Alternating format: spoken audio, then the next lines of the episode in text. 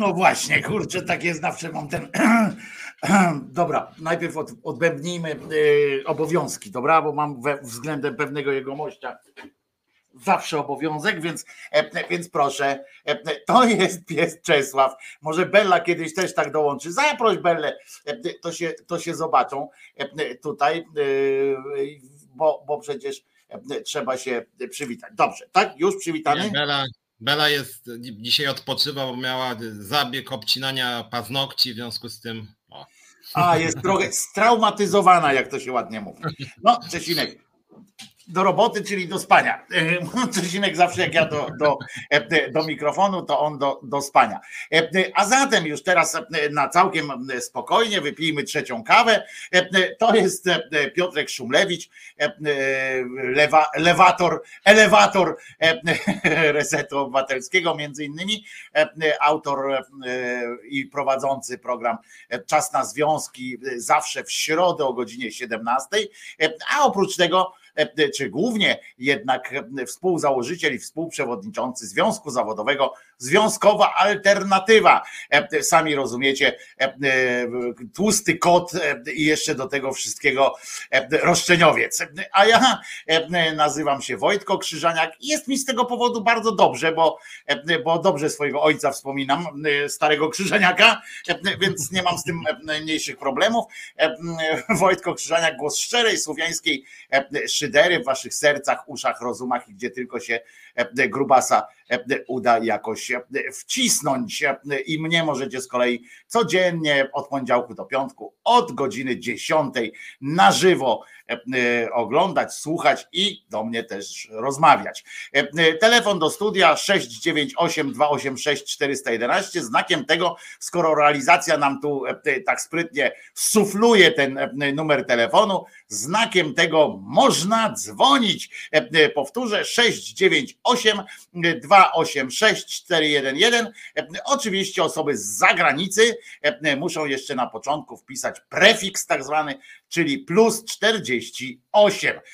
No to od, od Janie Pawliłem całą formułę, która zawsze mi sprawia fajną przyjemność, bo się czuję jak, trochę jak Tomasz Kamel, że tak mogę, wiesz, proszę Państwa, proszę Państwa, i że jesteśmy, albo jak E, trochę jak e, Jerzy Krzturek e, w filmie Wodzirej na przykład, to też tak, proszę Państwa, teraz tańce hulanki Sławola, hej, że, hej, że hola mało karczmy nie rozwalą, a tutaj zaczynamy, Piotrek dzisiaj zapowiedział, że będziemy o głupich pomysłach roz, rozmawiali, no i znowu powinniśmy, propozycje masz tematów, które są tak naprawdę studniami niestety bez dna, ale co takiego zainspirowało Cię bo zawsze musi być jakiś taki tak zwany faktor, e, który wiesz, nawet u e, psycho, e, osób z jakimiś psychotycznymi kłopotami, zawsze jest coś takiego, że mogą żyć, żyć, żyć, żyć, żyć i nagle pojawia się, wiesz, oglądają wydanie wiadomości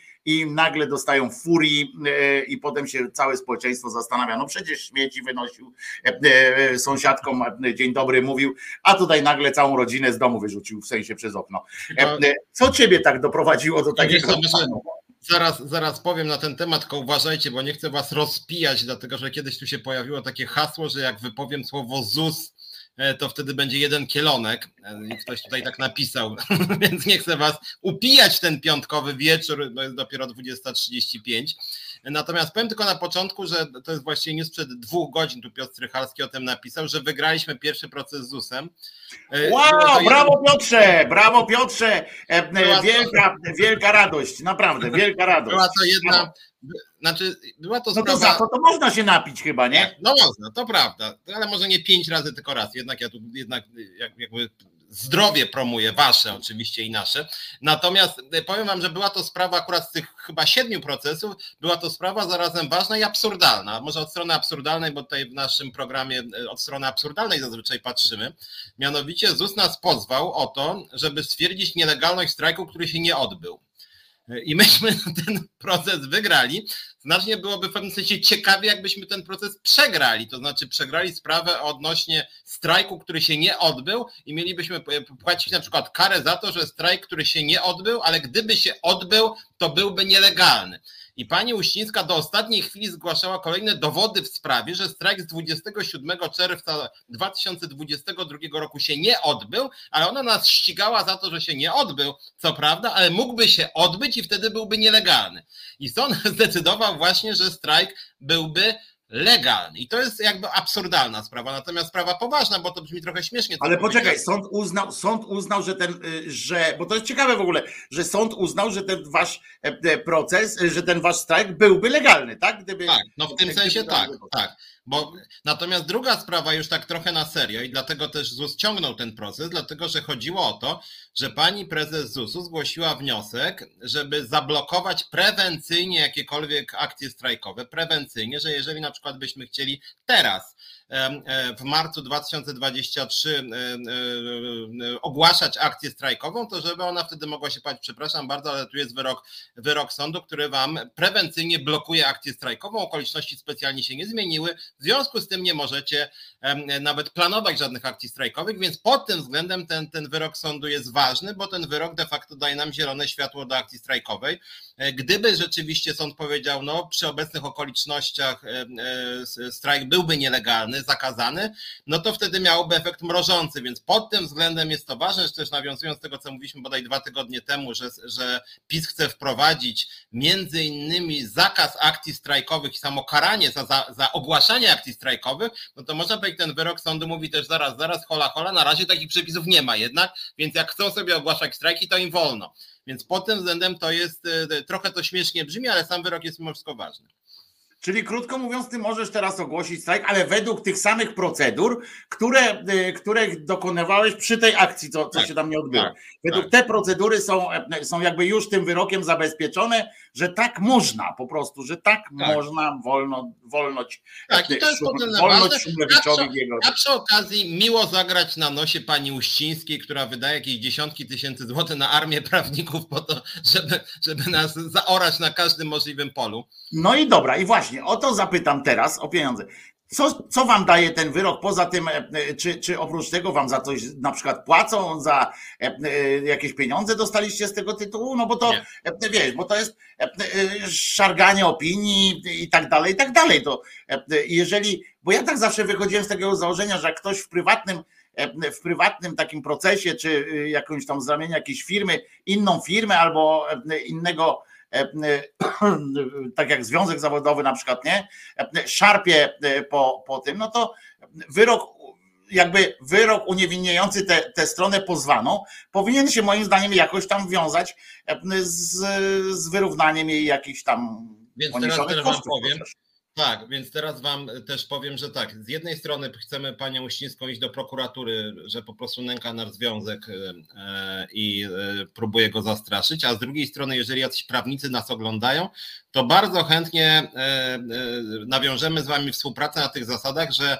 stwórzcie taką konstrukcję, no ja znam trochę prawo, więc ja wiem, że to nie jest łatwe, ale da się, w ramach którego my byśmy dostali odszkodowania, Wy byście dostali na przykład 30% tego odszkodowania. Nie jesteśmy bogaci, w związku z tym trudno nam zapłacić Wam na przykład 10 tysięcy, ale jeżeli uważacie, że można tak grać, to chętnie procent od wygranej Wam są tacy e, prawnicy, którzy na procencie jadą po prostu. No, dokładnie, więc to nie jest żadna, to motywuje też do, do wygranej. Natomiast, a jak chodzi zresztą o tą sprawę, tak na marginesie, to wam powiem się trochę pochwalę, że tą sprawę sądową, którą teraz żeśmy wygrali, to prawnikiem był Piotr Szumlewicz i Ilona Garczyńska akurat. O proszę, no to, no to chluśniem, bo uśniem, proszę ciebie, no. E, e, a ostatnio tak ładnie pani, pani ta pani Zusowa występowała w telewizorze nawet, że, że społeczeństwo takie jest e, bogate i że starsze osoby to teraz będą w ogóle e, no jakiś tak w ogóle przyjemność będzie sama, będzie, sama przyjemność. Pamiętasz to tak jak ta kampania, jak OFE się pojawiło, że, że, że będą palmy na starość, no i później bardzo szybko to przyszło w palmę na w Warszawie, nie? Tą jedyną. No i bardzo szybko przeszło na tym, że wszyscy ci właściciele tych, e, tych e, e, firm Ofe, ubezpieczeniowych tak. miały palmy realne.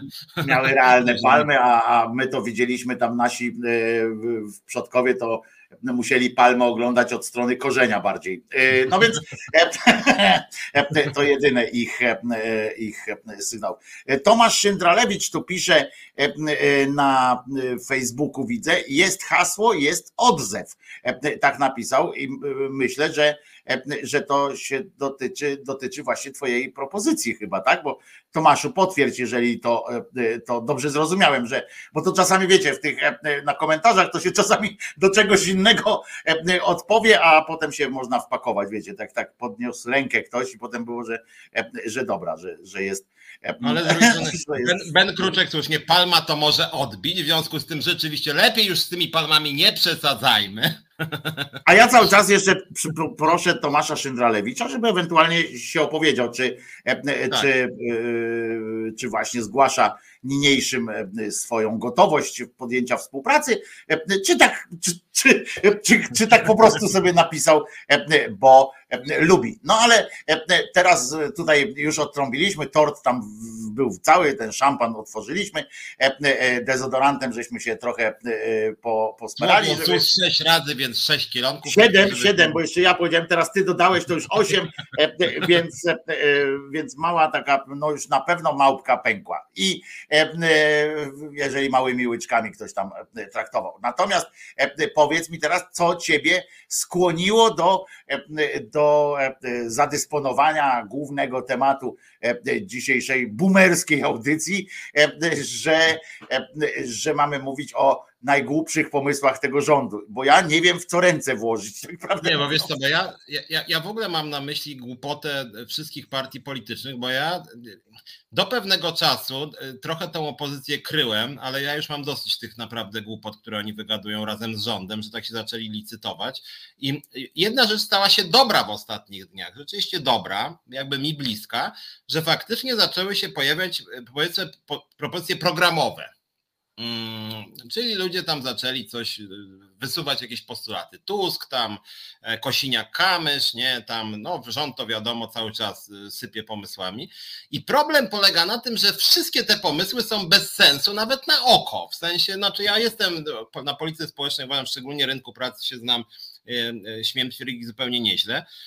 Natomiast część tych propozycji wygląda tak jakby grupa trzech kolesi, bo to zazwyczaj kolesie są, rzadko koleżanki, trzech kolesi o 23 siada sobie w jakiejś, nie wiem, tam amatorskiej Warszawie, czy może nie amatorskiej, a raczej jakiejś tam sejmowej, albo nowogrodzkiej, albo gdzieś tam Platforma ma swoją knajpę, jakiś Sowaj przyjaciel. A nie, chce, a, nie chce usiąd, a nie chce usiądą w domu.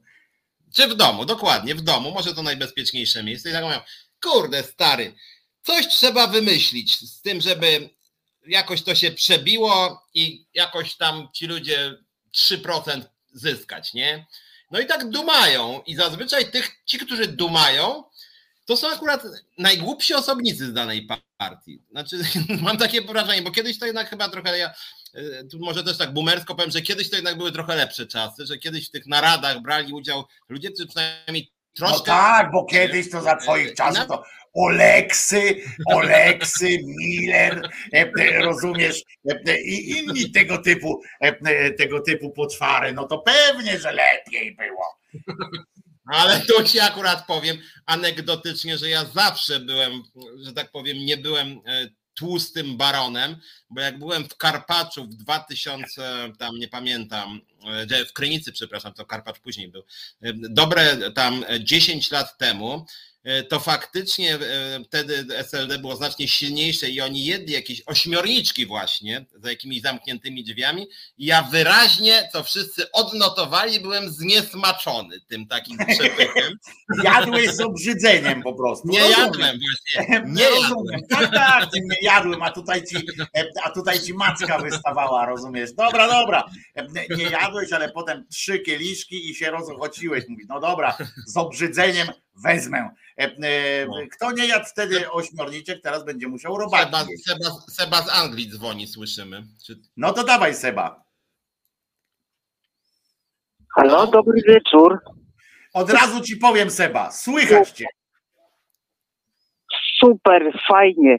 Ja nie wiem, ja przepraszam, ja na krótko tylko. Ja nie wiem, o czym jest audycja. Ja tylko w krótkiej sprawie i poza tym nie chciałbym się wypowiadać merytorycznie. Ja szukam Pawła, i, i ja wiem, że on słucha tutaj i mam do niego tylko informację.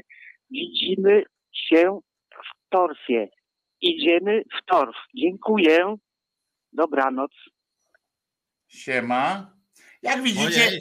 Jak widzicie, w przyszłości Seba e, e, proponuje ci, żebyś lepiej zadzwonił w środę o 17, bo tam jest czas na związki e, i Chociaż- chociaż.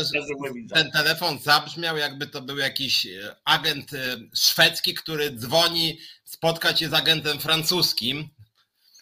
Ale to, jest, to wtedy nie, to wtedy by powiedział, tutaj podał nazwę, gdzie się spotykają, a tak naprawdę to powinien wtedy powiedzieć na przykład spotkajmy się tam, gdzie widzieliśmy się w 37 roku po raz pierwszy, kiedy spotkałeś moją, e, e, moją ex-żonę, rozumiesz? Ten musi potem mówić, kurde, No gdzie to było?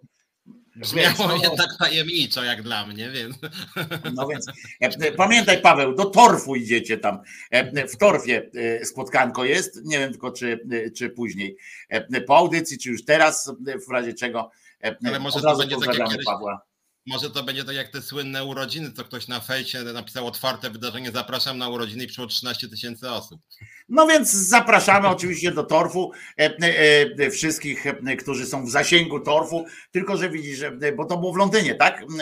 Seba był z Londynu, tak? Czy, czy, bo to jeszcze zależy od miasta, nie? Bo tak z To całej ta, Anglii. strona, to ta druga strona zrozumiała o co chodzi, bo my niekoniecznie. No więc właśnie. Londyn, No ale dobra, bawmy się. Lądek, Bawmy się to w całej Anglii, gdzie, gdzie tylko torfu jest kawałek, to jedziecie e, e, e, z koksem. Ogrodniczo się zrobiło, tak jest. I o czym myśmy mówili zanim, znaczy ja coś Tak, kłapałem dziobem, Zajawiałem ten swój temat tych głupich ale ja coś dziobem kłapałem, bo ty mi przerwałeś, że Seba dzwoni. Nie, nie, a wiem, mówiliśmy o tym, że, że politycy się spotykają na przykład u siebie w domu, żeby te głupie propozycje. Mm, A, i wykreować. że w Karpaczu żeś, żeś Tak. ośmiorniczkę. No tak, czyli, czyli nie było to nic, nic e, nowego dla, dla państwa, bo wy wiecie, że ten to tylko z Karpacza do Krynicy i, i wszędzie, e, wszędzie tylko mu dają jeść za darmo. I to jest, e, on dlatego taki wyrósł, e, rozumiecie. No więc, o, widzicie, jaki ten. Tylko uważajcie, bo na tym takim związkowym widzicie, to może człowiek i duży, ale brzydki. I po prostu. Natomiast, natomiast głupich, masz rację, że, że oni się spotykają, że teraz tobie chodzi też o to, że te, mm, że to nie tylko rządowe pomysły są głupie, ale że głupie są pomysły też tych, tych drugich, którzy gonią za tym rządem, żeby, Tak. żeby go jakoś tam przekonać. Mnie, mnie, roz, mnie rozwala na przykład to w tym, w, tym kontekście, to prze, rozwala mnie po prostu e, e, to, że oni nawet się o te pomysły potem kłócą. Rozumiem? To jest takie, e, takie siedzenie e, dinozaurów czy jakichś innych tam e, tych zwierząt nad padliną po prostu. Wiesz, że jest jakaś padlina, e, bo kiedyś e, rząd e, rzucił hasło e, tysiąc mieszkań dla tysiąca mieszkańców, czy, czy coś takiego tam, mieszkanie plus, minus, e, no i wyszło tak bardziej tak, minus, ale e, plus, minus mieszkanie, nie? Tak, tak, tak wyszło, E, więc tam każdy dostał po komórce jakieś tam coś. E, No i mu to nie wyszło, no więc jest padlina w postaci tego, e, tego e, projektu, który się rozpadł. e, I się rzucili na to, jak szczerbate na suchar i mówią, to my. I teraz się kłócą ze sobą, e, jeszcze nie rządzą, bo już tam mają razem rządzić, ale już się kłócą i to, żeby oni powiedzieli na przykład, bo tam jedni zrzucili hasło, e, słuchajcie, PO rzucił, mówi, o zrobimy, bo przecież mieszkanie to jest e, e, nie przywilej, tylko e, prawo, no więc dobrze, to my wymyślimy teraz, że my zapłacimy kredyty tym wszystkim, których stać na kredyty. To my im zapłacimy, nie? Będziecie budowali mieszkania, my zapłacimy za te składki, za te procenty różne i tak dalej. No to okej, nie? Mamy. No to lewica mówi, ej, przecież my mamy inny pomysł, żeby tam inaczej dystrybuować te mieszkania, żeby budować mieszkania pod wynajem, nie? E, Normalnie czynszówki. E, I się kłócą. I potem oni sta- i potem do tego PSL mówi, ale to przecież e, na wsiach budować się i tak dalej. Kombinacja alpejska i, i ja ci powiem tak, żeby oni mówili jeden do drugiego w czasie tych rozmów, nie? Mówią tak, słuchajcie, Państwo, mamy masę pomysłów fajnych do, dotyczących mieszkań, I teraz jak będziemy tam rozmawiali przed, przed tym rządem czy przed, przed wyborami, mm, spokojnie usiądziemy i dogadamy się, bo można połączyć przecież te dwa warianty, wcale kupowanie tych. Więc proszę bardzo, my sobie to opracujemy, ale widzicie Państwo, że dla nas to jest ważna kwestia i obiecujemy Wam, że jeszcze do wyborów dopracujemy się jakiejś jednej formuły, która coś tam. I pamiętajcie, że myślimy o Waszych mieszkaniach, nie? No i kurczę, i byłoby dobrze, e, jakby coś takiego zrobili. Nie, oni mordy drą, siedzą na, naprzeciwko siebie, jeszcze nie wygrali żadnych wyborów, nawet, tak. nawet sondażowo jeszcze nie wygrywają, e, a, e, a oni siedzą naprzeciwko siebie, specjalnie ich ci dziennikarze, co głupsi tacy zapraszają, co nie lubią sami gadać, to mają, wiesz, patrzą, o dobra, to, to niech przyjdzie Żukowska i niech przyjdzie jakiś tam taki mordokrzyk z PO, nie? Dobra, no i jedziemy. No i co z tymi mieszkaniami? Zobaczcie, oni ukradli wam pomysł. Tak, ukradli nam pomysł. Panie redaktor, no, nasz pomysł. A ten mówi, co ty pierniczysz, głupia babo? To jest inny pomysł. No ale mieszkanie tam w tytule jest. No jest, no i co? To mam, co mam powiedzieć? Komórka do wynajęcia? To wasz pomysł, bo tak słyszałem, że na przykład, że jeden z posłów czy polityków Platformy powiedział, że ich pomysł jest na mieszkanie, a realizacja pomysłu e, e, lewicy to się skończy na, e, na takim tym, że komórka plus. W sensie, że każdy dostanie równo, ale źle, wiesz, komórka będzie tamten. I się kłócą. I naprawdę, a ci, a ci się śmieją po prostu ci z tego, z tego PiSu. Się śmieją, bo na to wszystko wyszedł Morawiecki i zasmaszka, nie? Na to wszystko jak w, tym, w tej piosence. I zasmaszka, bo powiedział, on mówi, no, to te tu się kłócą. A ja, proszę Państwa, na początku marca właśnie wydam miliard tam 721, bo to są takie cyfry, takie liczby, żeby. Tak, tak, wiarygodnie zrobić. To tam miliard 721 milionów i 60 groszy na pobudowanie mieszkań. Zaczniemy od Puław. Rozumiesz? I, I kamery, wszystkie kamery TVP na Puławy tam się kierują, zrobią zdjęcie i cały ten misterny plan tego e, SED, znaczy lewicy razem z tą e, platformą, jeszcze z tym podskakującym tam e, do głosu tym Hołownią, który mówi, a ja też mam mieszkanie, to mogę zaprosić kogoś, ja też mam. To wszystko poszło i runęło, wiesz, skończyło się na, na prostym takim Morawieckim, który tak, a ja, wy tam sobie gadajcie, a ja po prostu tutaj miliard 721 milionów, proszę bardzo. Nie, więc właśnie trochę mnie wyręczyłeś, bo o to mi mniej więcej chodziło i, i zirytował mnie też cały poziom tej dyskusji, bo temat mieszkania jest bardzo ważny. Moim zdaniem jest strasznie trudny, podobnie jak ochrona zdrowia jest bardzo trudnym tematem i tak naprawdę trudno tutaj coś zgłosić. Jestem tego świadomy. E, sam uważam, że jestem, jak powiedziałem, ekspertem od rynku pracy i tu mam mnóstwo propozycji, moim zdaniem, przemyślanych. Natomiast oni rzucają się, na, rzucili się na te mieszkania, bo ktoś tam się, Tusk się rzucił, to wszyscy poczuli się wywołani, żeby się rzucić E, i rząd też się rzucił. E, robią to kompletnie bez przykładu, ale kompletnie. E, fakty są generalnie takie, że swego czasu, jak pewnie pamiętacie, rząd rzucił mieszkanie plus. Ten program się totalnie skompromitował, ale po prostu totalnie. Obiecywali tam setki tysięcy mieszkań i wyszło gucio. Że tak Powiem powiem, tak, że... on się tak skompromitował, proszę was, że nawet PiS musiał przyznać, że się skompromitował. A to już naprawdę o czymś świadczy.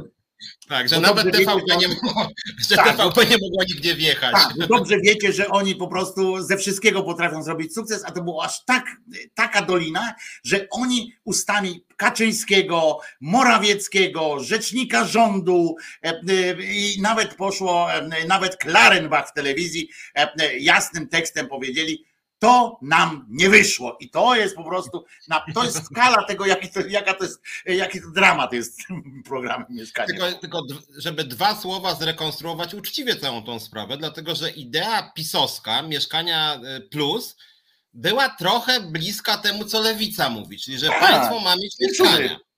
Tak, i to totalnie się nie sprawdziło z przyczyn głupoty rządzących, że oni po prostu nie wiedzieli, jak to się robi, wszystko schrzanili, co tylko można było schrzanić No i generalnie takie, że tak powiem, wybudowanie dekretem miliona mieszkań jakby skończyło się tym, że wybudowano 10 tysięcy i to jeszcze strasznie drogich, y, mało wygodnych, takich, co to teraz ludzie nie wiedzą, jak z tego uciec w ogóle. W związku z tym e, teraz sam rząd przyznał, bo to rząd zaczął też tą dyskusję, że w sumie to my nie umiemy, to może jednak niech ci prywaciarze budują, a my tam do, tak jak 500 plus dorzucimy. No i mówią, dobra, to tam parę lat 2% będzie kredyt, więc PO sobie wykalkulowało, że trzeba ich przelicytować i trzeba do swojego elektoratu, czyli tam młodych, kreatywnych, więc tu sobie zrzucił fotkę na e, Twittera z dwudziestoparolatkami, obiecując, że on im da te mieszkania w zasadzie, tam będą mieli płacę minimalną i, i, i państwo za nich spłaci po nawet pół miliona. E, ja to zbaraniałem i trochę przyznam szczerze, jako obywatel się wkurzyłem, dlatego że PiS PiS jest taką sprytną partią, która trochę pode mnie swoją politykę prowadzą, mianowicie i, i taki jak ja, których jest jednak trochę w tym kraju, że tak konstruują te programy, żeby żaden program nie dawał tak, nic takim ludziom jak ja, żeby wszystkie programy, jakby, że ja płacę podatki i nic z tego, kompletnie nic z tego mam nie mieć. Nic, zupełnie nic, jeszcze mam, wszystko mam dopłacać, finansować, ale nic. I teraz Tusk postanowił, no jak może wiecie, mam lat 46, w związku z tym Tusk złośliwie wobec mnie powiedział 45 jest granicą, czyli jakbym miał 44, to może by mi nawet dał 500 tysięcy złotych, bo takie są, jak duże mieszkanie się kupi, to 500 tysięcy można na tym od państwa dostać, czyli ja krótko mówiąc znowuż zero, i będę musiał płacić, bo to państwo ma płacić, pomyślę Tuska, więc stwierdziłem, kurde, ja wszystko nie rozumiem. Nie państwo, budżet państwa, czyli my. Budżet, no tak, czyli mówię, czyli my, państwo, czyli my, obywatele, czyli ja mam znowuż finansować kolejne mieszkania dla bez kryterium dochodowego młodych milionerów również, tam 40-letnich na przykład, dzieci milionerów też mają prawo do tego programu w tej wersji, którą Tusk ogłosił, bo oni teraz będą pewnie uszczegóławiać, że to nie o to chodziło, bo, bo jednak już część ekspert powiedziała, że no Donaldzie to jest jednak głupie trochę, więc Donald, o kurde, no to dobra, to określimy, że jednak o coś trochę innego chodziło i będą przekonywać, że jednak nie chodziło o to, co powiedział Tusk, czym się ośmieszą też przed pisem, wiadomo, tak? Z drugiej strony e, zgłosił się, aha, e, Kołodziejczak kroczył z innowacyjną propozycją, żeby żeby też budowali ci deweloperzy, ale 20% mają deweloperzy przekazywać państwu. E, e, a z trzeciej strony Lewica powiedziała, że ona ma ustawę, mianowicie, że po prostu państwo ma wybudować tam milion, e, milion mieszkań, czyli taki PiS 2 trochę, no bo jakby ja co do intencji się zgadzam z Lewicą, tylko właśnie PiS też jakby tego chciał i, i nie wyszło totalnie. Więc krótko mówiąc, lekcja jest taka, że jak mamy budować komunalne i socjalne, to trzeba naprawdę mieć pomysł finansowania, nieruchomość, jak gdzie to, a jak to, a dlaczego, żeby to wyszło dobrze, a żeby ludzie nie płacili za dużo. Więc teraz, teraz Lewica mówi, że ma rację, bo ona uważa, że po prostu dekretem wybuduje. PiS się obraził na PO, że ich przelicytował. PO jest dumne, że ich przelicytował. Hołownia teraz myśli pewnie, a jeszcze PSL jeszcze powiedział, że, że zapłaci 100 tysięcy tego kredytu.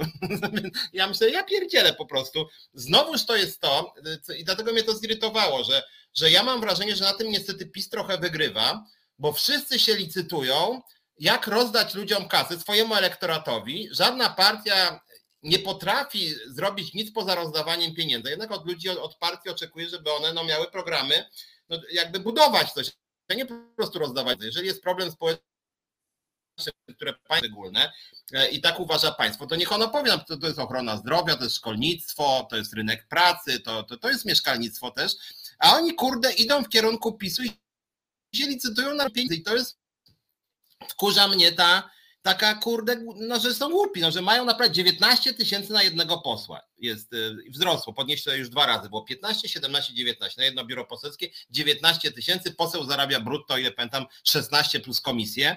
Partie mają subwencje milionowe, kluby poselskie jeszcze mają subwencje milionowe i oni nie potrafią, żadna z tych partii nie potrafi wziąć trzech ekspertów od rynku mieszkaniowego, trzech, którzy powiedzieli, dobra, jak chcecie z tymi kredytami, to panie Donaldzie, okej, okay, pomóżmy tym młodym, ale kurde, no może nie jakby tak jak pan powiedział, bo to po prostu państwo jednemu bogatemu 30-latkowi e, e, 500 tysięcy właduje, to jednak może wywołać na przykład oburzenie społeczne takiego Szumlewicza, że powie, kurde, co ja mam płacić 500 tysięcy na Piotrze, to, wiesz co, to, to są już konsekwencje jakieś tam. Mnie, e, mnie w tym, w tym, bo to obojętnie tam jedni dadzą 300, drudzy 600, trzeci tam po prostu tam kombinują, ale najlepsze to jest z tego wszystkiego, znaczy w sensie najlepsze najśmieszniejsze, ale też tragiczne po prostu, że przecież cała polityka na przykład PO, czy Hołowni, czy, czy PSL-u, teraz zasadza się na ta krytyka rządu zasadza się na tym, że oni tak źle gospodarują groszem,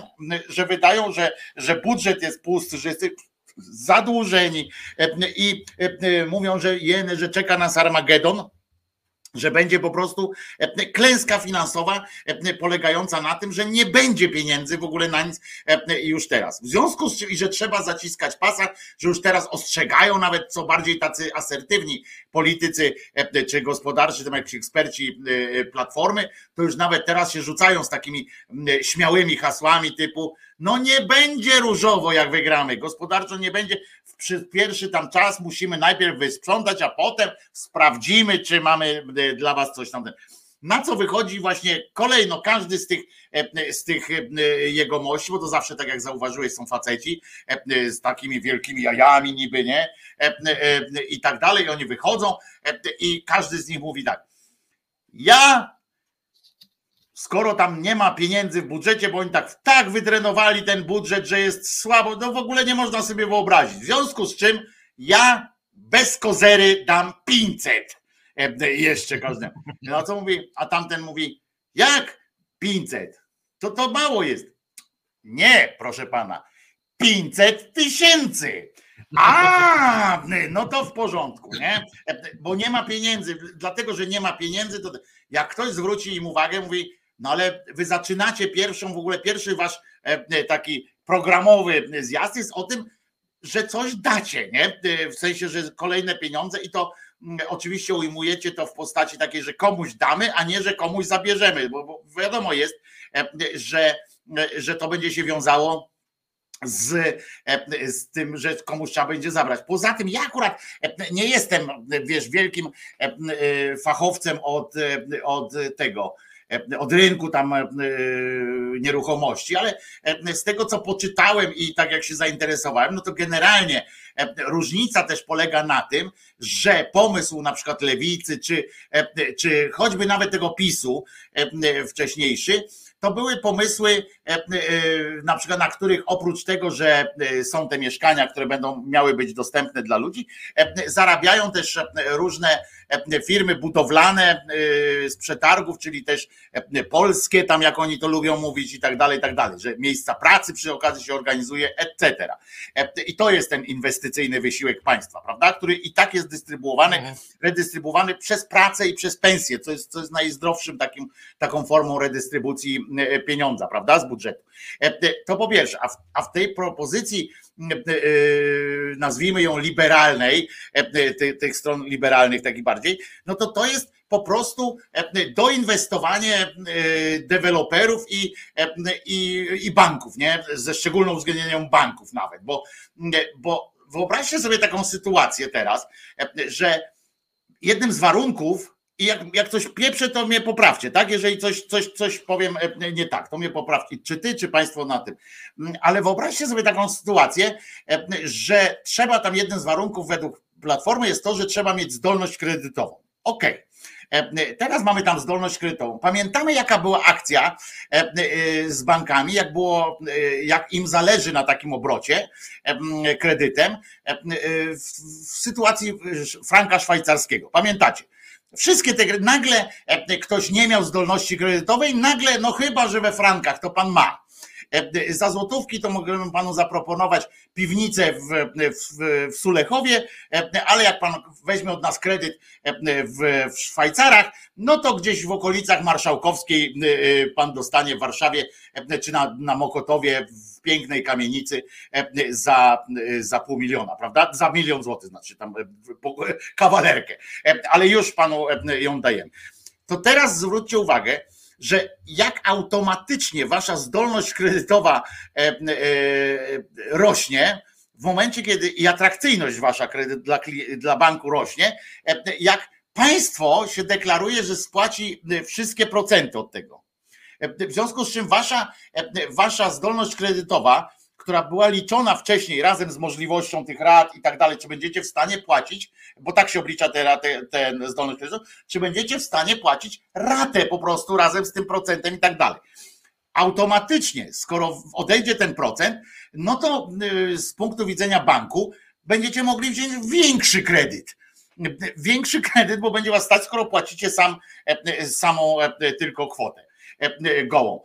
W związku z czym oczywiście banki, wiemy, że to nie są instytucje, to nie jest Caritas czy, czy inny owsiak, będą mówiły, no dobra, im większe te kredyty, tym państwo daje większy mm, y, zwrot nam e, i tak dalej. Im większe kredyty, to deweloper myśli, tym więcej ludzi będzie chciało kupować te drogie mieszkania, e, czy w lepszych lokalizacjach, te, które nawet stoją teraz, przecież wiesz, jak jeździsz po Warszawie, to widzisz ile e, tych, tego jest, zwłaszcza na tych obrzeżach, tam na Ursynowach i tak dalej, to przecież połowa mieszkań puste stoi, połowa tych domów, wybudowanych z kredytu przecież. I ja tak sobie myślę, że to jest po prostu doinwestowanie, że, że zwykły obywatel nic na tym nie zyskuje. Zwykły obywatel zyska na tym większy kredyt, znaczy będzie się mógł haustnąć, tak jak przy tych Szwajcarach, takim o, po czym nagle w pewnym momencie tam podejmujesz jakąś decyzję, po czym zmieni się nagle jakoś tam prawo w pewnym momencie, tak jak się zmienił kurs szwajcarskiego franka, i trzeba procesować. I tak się tutaj zmieni jakiś, jakiś detal, jakieś małe coś w strukturze banku na przykład, coś doliczą i nagle się okazuje, że nie stać cię znowu na te raty, albo państwa nie stać na te raty, bo przecież państwo podejmuje zobowiązanie, słuchajcie, państwo podejmuje zobowiązanie na 20-30 lat bo tam w tym projekcie jest coś takiego, że państwo będzie co miesiąc tam e, wpłacało, czy co roku będzie spłacało tą roczną e, kwotę, bo nie wie, bo państwo nie wie z góry, jaki to będzie, bank nie wie z góry, bo te procenty są przecież e, mobilne, chyba że się zapłaci na stałe raty, tak, to, to tam pewnie są. Ale mówię, to, to jest po prostu inwestowanie nie w pracownik, bo nie wiadomo, nie ma żadnych w tym, w tym programie, żadnych, a żadnej asekuracji na przykład dla tych firm, które budują E, prawda? E, bo w tym mieszkanie plus, czy w tym lewicowym, to jest asekuracja dla tych firm, które budują, tych fizycznie mówię, budują, że to państwo będzie wypłacało im e, po prostu te pieniądze, pensje, w związku z czym wszyscy są zadowoleni z tego, że mają pewną robotę za pewne pieniądze. A tutaj jest coś takiego, że dofinansują deweloperom, którzy, czy oni potem będą, wiadomo, że on tam w tym programie będzie napisane, no tak, ale będziemy tylko będziemy dbać o to, żeby to uczciwi ludzie byli. No bo, bo co? Bo przyjdzie taki deweloper i co? I, no nie, no pan Piotrek to by nas nie oszukał, tak? To podpisujemy z panem Piotrkiem umowę. No to jest, to jest absurd po znaczy prostu tak, w czystej postaci. Moim zdaniem, no. Moim zdaniem tutaj głównie y, państwo, czyli my będziemy bankrutować, dlatego że jeżeli dosłownie interpretować to, co Tusk powiedział, to znaczy 0%, czyli jeżeli mieszkanie jest warte w danym momencie na przykład 400 tysięcy, no to ja rozumiem to tak, że 400 tysięcy dzielimy na liczbę miesięcy i spłacam dokładnie 400 tysięcy ani złotówki więcej. W momencie, ja, tak, kiedy... ja, ja, a resztę bierze, a procent, opłaty, wszystkie bierze tak. państwo na siebie. Tak, dokładnie. W momencie, kiedy inflacja by na przykład wynosiła 20%, to by się pojawiły i byłaby utrzymywałaby się kilka lat. No a w końcu jest wojna, może różnie to wyglądać, może być jeszcze wyższa ta inflacja. E, to ostatecznie te koszty dla państwa mogłyby wynosić po prostu no, dzikie miliardy, jak chodzi o skalę. Dzikie no miliardy. Tak. Dużo więcej niż takie nawet rodzina 500 plus państwo, no czyli my obywatele będziemy musieli wtedy płacić, co oczywiście skutkowałoby tak zwaną bańką e, spekulacyjną na nieruchomościach, która to bańka rozłożyła już w historii wiele bogatszych krajów niż Polska. No ale więc, oczywiście. Więc, tak, więc pomysł jest moim zdaniem fatalny i, e, i prawdopodobnie ktoś tam, jakiś eksperci tu powiedzą, no dobra, nie o to nam chodziło, tylko tak jak ty powiedziałeś, chodziło nam o to, że jednak na przykład pewien parametr procentowo będzie jednak się zmieniał. No co jest też racjonalne, no bo nie można państwa na bankructwo narażać, ale wtedy się okaże, tak jak powiedziałeś, że człowiek, który myśli, że będzie spłacał 400 tysięcy, bo mieszkanie 400 tysięcy kosztuje, jednak będzie musiał zapłacić 598. Tylko że, dowie się o tym w trzecim, tylko, że dowie się o tym w trzecim roku płacenia. Tak. Jak, jak już tam zapłaci ileś e, i będzie się wtedy zastanawiał, kurde, to lepiej już zostawić to i zostawić tam państwu ten, E, to mieszkanie bez sensu i tak dalej, e, czy e, iść sobie, czy jednak, no skoro już tyle zapłaciłem, to brnąć w to dalej i potem ewentualnie się procesować, prawda? No bo to jest, to jest moim zdaniem to jest tak z dupy wyjęte, że nawet, nawet ja, rozumiesz, który nie jest mistrzem od tych, od tych spraw inwestycyjnych różnych, jak poczytałem o tym, jak przeczytałem ten program, co jest u nich tam na tej stronie, przeczytałem, no to ja pomyślałem od razu, że nic, tylko być bankowcem w tym, w tym rozwiązaniu. W tym rozwiązaniu ludzie no po prostu dostają taką ułudę tego, że kupują za gołe pieniądze, za gołą po prostu za sumę, że na raty, jak w Mediamarkcie, tak, na raty za 0%. E, że kupują tak naprawdę, bo to do tego się sprowadza, że, tak. E, e, że ten, tylko że w Mediamarkcie, jak czytam w tych innych RTV sklepach, bo to tam najczęściej chyba są takie akcje, to oni, to, to wiadomo jest, że za te raty, za to 0% to nie płaci, nie płaci sklep, tylko płacą wszystkie te łosie, które kupują za gotówkę. E, e, po prostu, bo, bo, bo to jest te, te raty tamtych, którzy kupują na raty, są wpisane w cenę produktu tego, który kupujesz ty jako łoś, e, bo żeby sfinansować tamte te raty innych, więc opłaca się kupować za te raty 0%, po, po prostu, no bo tak to wygląda, że po prostu i tak ci te, te procenty spłacają ci ci, którzy kupują za pieniądze, bo, bo dlatego są droższe te, te rzeczy. I tak samo i, i tu nie chodzi, bo Oskar Oskar pisze, nikt wam tyle nie da, ile Tusk obieca. Nie, nie, to chodzi o to, ile wam politycy obiecają, bo, bo, bo tu nie chodzi o to, żeby do, dorypać teraz Tuskowi. Tusk został wmanewrowany, podejrzewam, właśnie, bo tak jak Piotr mówi, tam usiadło czterech, to mówi, kurczę, mieszkanie, mieszkanie, mieszkanie, mieszkanie, mieszkanie, znajdźcie mi coś tam z tym mieszkaniem, mieszkanie, mieszkanie, mieszkanie, mieszkanie jest dobre na wszystko. Nie, nie, nie, nie, nie, nie, poczekaj, poczekaj, czekaj, czekaj, czekaj, czekaj, czekaj. 0%. Tak. Ale to 0%.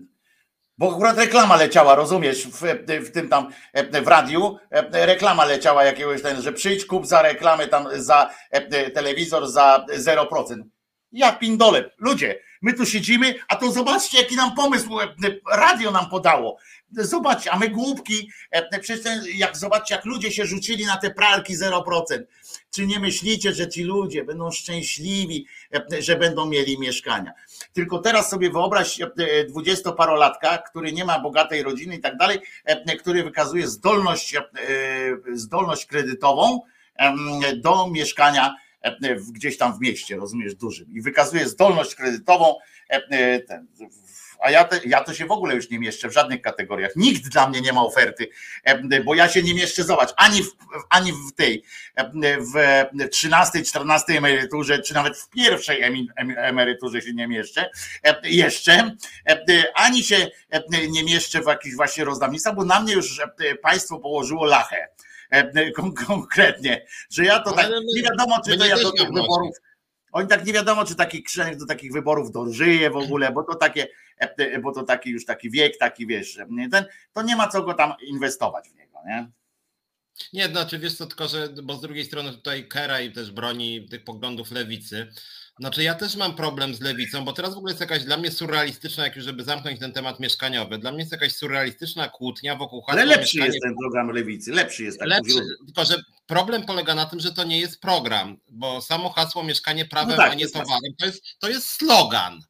To tak jakby powiedzieć, szybka operacja dla każdego, nie? No, no, no, jestem za, no, nie? Tylko problem polega na tym, nie czy jest ktoś za, czy przeciwko, tylko jak to zrobić. I, I tak jak powiedziałem, ja nie widziałem na razie projektu Lewica nikogo innego, który to byłoby kompleksowym projektem, jak te mieszkania wybudować, bo powtarzam, pomysł PiSu, Mieszkanie Plus, to był de facto pomysł Lewicy, który był totalną klapą, znacznie jeszcze większej nic nie dało zupełnie. I te mieszkanie, które państwo w sumie wybudowało, no Bank Gospodarstwa Krajowego, dopłaty były państwowe, to jest totalna droga klapa, złe mieszkania, nikt tego nie chce i w ogóle były to wyrzucone pieniądze, a było strasznie mało. W związku z tym to nie jest takie, że tak powiem, Wiem, tylko tak zadekretować, że wyjdzie Zandber i powie, no dobra, to my 200 tysięcy dajemy od państwa. O kurde, najlepszy pomysł. No to nie jest żaden pomysł, to jest dekret de facto. I teraz pytanie, jak ten pomysł realizować, bo sam pomysł na przykład na CEPEK, też można powiedzieć, no wielkie lotnisko, gdzie będą wszystkie samoloty świata na CPK-u lądować. No, ktoś by, no kurde, kto by nie chciał wszystkich samolotów świata na CPK-u? Tylko problem polega na tym, że to jest potworny bubel 15 powodów, które tam wymieniałem w swoim programie. W związku z tym, no też można powiedzieć, myśl jest taka, że le, e, ludzie lewicy, ja też jestem człowiekiem lewicy, mogli powiedzieć super pomysł, CPK, państwowe, wspaniałe lotnisko, wszystko piękne, cudowne, 15 minut w centrum, pociągi dojeżdżają godzinę do każdej części kraju praktycznie, no tylko niestety jak to się przyjrzy szczegółom, no to wtedy zobaczy, że niestety wygląda to no nie troszkę gorzej, tylko wygląda to dramatycznie po prostu i generalnie tylko e, okazuje się, że e, różni panowie z państwem pisowskim związani się tam uwłaszczają po prostu, którzy wiedzę mają niewielką i dlatego ja mówię, że też e, momentami ja ci powiem, mam takie takie wrażenie, jak chodzi o ten temat mieszkaniowy, że czasem to bym naprawdę wolał, żeby już ci politycy dali sobie spokój z gadaniem o mieszkaniach. Jak nie chcą rozmawiać z ekspertami, to niechby powiedzieli, dobra, nie znamy się na tym, to może my się zajmiemy po prostu czym innym. I te po prostu, że wszyscy teraz są ekspertami, a to dekretem, a to jakąś tam. I to jest po prostu moim zdaniem głupie. Zresztą jeszcze tak na marginesie, żeby zmienić trochę temat, i, e, i też mnie zirytował ten pomysł, bo na odmianę a, aż ty się rozkaszlałeś, może poczułeś, co ja chcę powiedzieć. Mianowicie PSL, który chciał przebić dla odmiany Konfederację, e, Mianowicie PSL zgłosił pomysł, który co pewien czas się pojawia, żeby przedsiębiorcy sami sobie wybierali, czy będą składki płacić.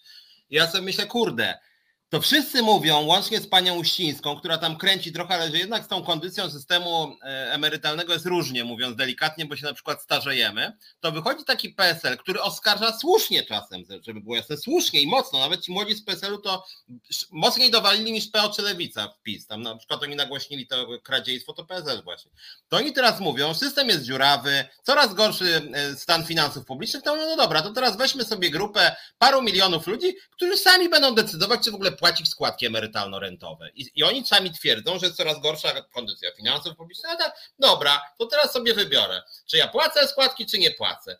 I ja sobie myślę, kurczę, no, znaczy to jest po prostu tak nieodpowiedzialne. Ja tam nawet napisałem jakiemuś rzecznikowi PSL człowieku, no co to w ogóle ma być? A to on się na mnie obraził po prostu, chociaż ja kulturalnie mówiłem, że jak, jak wy to w ogóle przeliczyliście, co sobie w ogóle, dlaczego tak ma być? Czyli rozumiem, jak taki przedsiębiorca nie będzie płacił składek przez całe życie, czyli będzie miał w domyślnie emeryturę zerową, bo będzie miał zero lat składek emerytalnych, no to on nie wiem, umrze z głodu? No oczywiście nie. Państwo mu zapłaci, no bo są jednak świadczenia socjalne, nawet jak ktoś tam krytykuje, są w Polsce świadczenia socjalne. Czyli państwo zapłaci znowu, czyli my, czyli znowuż kurde ja.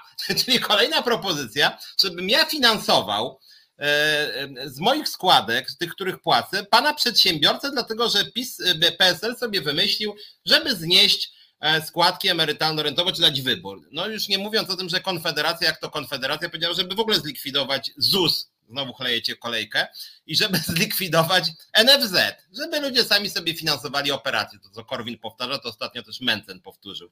I tak sobie myślę, że wszystkie te propozycje są tak surrealistycznie głupie po prostu. Znaczy, Konfederacja okrutne przy okazji, nie tylko głupie, ale też okrutne i mam wrażenie, że oni tak tym okrucieństwem powiem, że tam, nie wiem, ci starsi niepełnosprawni to po prostu umrą w cierpieniach i to chyba jakoś kręci troszkę. I jakiś taki mają jeszcze z czasów korwinowskich taki sadystyczny elektorat 17-latków, którzy tam, nie wiem, chyba chyba po prostu nie, nie, lubią starszych ludzi, ale całość jest tak nieodpowiedzialna i ja mam wrażenie, że to się pogłębia niestety, tak? Czy ostatnio jeszcze Kołodziejcza, którego jak wiesz nie przepadam, rzucił, że w hipermarketach e, musi być 51% polskich towarów. No ja nie wiem, co sobie wyobrażę, co będzie badanie, czy makaronu jest więcej niż polskich jabłek i jak wyjdzie, że 51% jest makaronu włoskiego, to on z zalady dorzuci pietruszki polskiej. No jakieś takie, mówię, takie rzucają tak, bo jakby wyczuwają ci, kurde, zobacz, media mówią o platformie, teraz kurde, ja muszę coś, ale walnij coś takiego. Ja na przykład mówi, dobra, wiecie co, to ja bym na przykład tam, nie wiem, podniósł jakiś podatek albo obniżył o 2%. Kurde, stary, to jest tak nieseksowne. Jakie kurde 2% podatek? Ty głupi jesteś, jak już to znieść podatek. Całkowicie znieść i walnij taką na baner znosimy podatek VAT na przykład. I to się przebija, ale czy to stary, czy to jest słuszne? Kurde, co ty mi pieprzysz o słuszności? Walniemy, to będzie się mówiło o nas, nie? I o Ale ja myślę, że myślę, że Piotrze się mylisz o tyle, w, w części tylko, e, w tych, w tych momentach się mylisz, jak mówisz o tym, że, e, że oni rozmawiają na takiej zasadzie, że e, tam znieść podatek, coś takiego, tam czy jakikolwiek pomysł tam rzucą i ktoś nagle wpada i mówi, no ale, e, no ale jak, że to się sprzeda tam na przykład dobrze, że to można marketingowo czy coś takiego, e, e, po prostu mimo i ktoś się pyta, ale przecież to jest głupie, nie? E, a ten drugi, no ale marketingowo się sprzeda. Nie, nie, ja myślę, że problem jest głębszy, a właściwie głębszy. Tutaj dobrze byłoby słowo takie użyć, głębszy ten temat, ponieważ oni naprawdę czasami, oni żyją z tej swojej banieczce takiej, nie, nie wychodząc z tego, to jest tak jak dziennikarze w poszczególnych redakcjach, dobrze wiesz, że oni tak żyją, że jak oni siedzą i między sobą rozmawiają, to dla nich świat jest właśnie taki. I oni dlatego siedzą i wszyscy jednako patrzą na przemówienie jakieś, bo oni się nakręcają już w trakcie tego przemówienia, już się wzajemnie nakręcają i oni słyszą potem tą jedną interpretację, taką swoją, którą ktoś tam w tym narzuci. I tak samo tutaj ja obawiam się, że oni jak tak siedzą tam i wymyślają te swoje pomysły, to że oni to robią i to jest dla nas dramat oczywiście, że oni to w sporej części w tej opozycji robią w dobrej wierze. Dlaczego mówię, że to dla nas jest taki dramat? Dlatego, że to oznacza, że oni naprawdę tego nie umieją że to nie jest tak, że oni są głupi, że to oni są źli, tam na przykład, że specjalnie, że cynicznie coś wykorzystują i tak dalej. Nie. To, że oni to robią w dobrej wierze i z takim, z tym, bo, bo na przykład wiesz, Tuskowi to nie, nie zależy na tym. Tusk, Tusk oczywiście chciałby tam władzy i tak dalej, ale przecież on pieniędzy tam i tak dalej, no nie musi szukać jakoś tak, wiesz, to jest taki typowy właśnie człowiek, którego możemy głosować, nie, bo się nie, bo, nie boimy się, że on tam będzie chciał przytulać jakieś tam pieniądze. On po prostu ma już zagwarantowane i, i, i w związku z czym, jak on tak słucha tych pomysłów, na przykład ktoś do niego przychodzi, ale też nie można powiedzieć, że głupi człowiek jest, tak? Siedział w tej Unii i tak dalej. No i ktoś do niego przychodzi i mówi do niego, słuchaj, to będziemy te 0% na te mieszkania, e, e, tam będzie kredyt 0%. I on, skoro to łyknął i skoro potrafili oni go przekonać, to ja nie wierzę, żeby był aż tak aż tak cynicznym cymbałem po prostu, złym człowiekiem ten Tusk. Ja go nie lubię oczywiście, e, tak od zawsze, ale nie wierzę, ja go szanuję w jakimś tam stopniu, że nie, choćby za tam właśnie inteligencję, za sprawność i tak dalej. Nie wierzę, żeby był tak głupi po prostu. E, jeżeli on takimi pomysłami wyjeżdża, a to przecież nie jeden jest pomysł, tam kilka innych jeszcze mm, wysunęli, równie, e, równie takich takich niezbornych trochę, bo one te pomysły nie składają się na jeden jakiś logiczny pomysł. I one są, mało tego, tak jak powiedziałem, według mnie w ogóle niekonsultowane wzajemnie z tą opozycją. Mało tego, one wynikają, można by tak ewentualnie, tak to bardziej wygląda, że oni jeden od drugiego naprawdę jak w szkole ściągają, tam patrzą za ten, ten tak wiesz, tam żurawia zapuszczają i tam dodają coś, albo jedno zero doda, albo, albo coś tam tak, żeby było, wiesz, jak, jak ci, co czasami piszą te prace Mm, magisterskie czy inne e, z internetu, prawda? To on przepisuje i potem kolejność wyrazów na przykład podmieni i, i będzie, wiesz, ale ja jestem super. E, I ja takie mam wrażenie, wiesz, że, e, że, że to, to jest w, w, ten, w ten sposób niestety. A z drugiej strony a z drugiej strony są, jest ten rząd cały, ta, ta, ta patowładza, która tutaj podejrzewam, że oni z kolei też nie są głupi, ale że oni są już cynicznie e, źli po prostu. E, I oni o tych wszystkich rzeczach sobie dobrze zdają, e, dobrze zdają sprawę, że robią po prostu źle. Tak? Ale, tym, tym się różnią. Ale, no.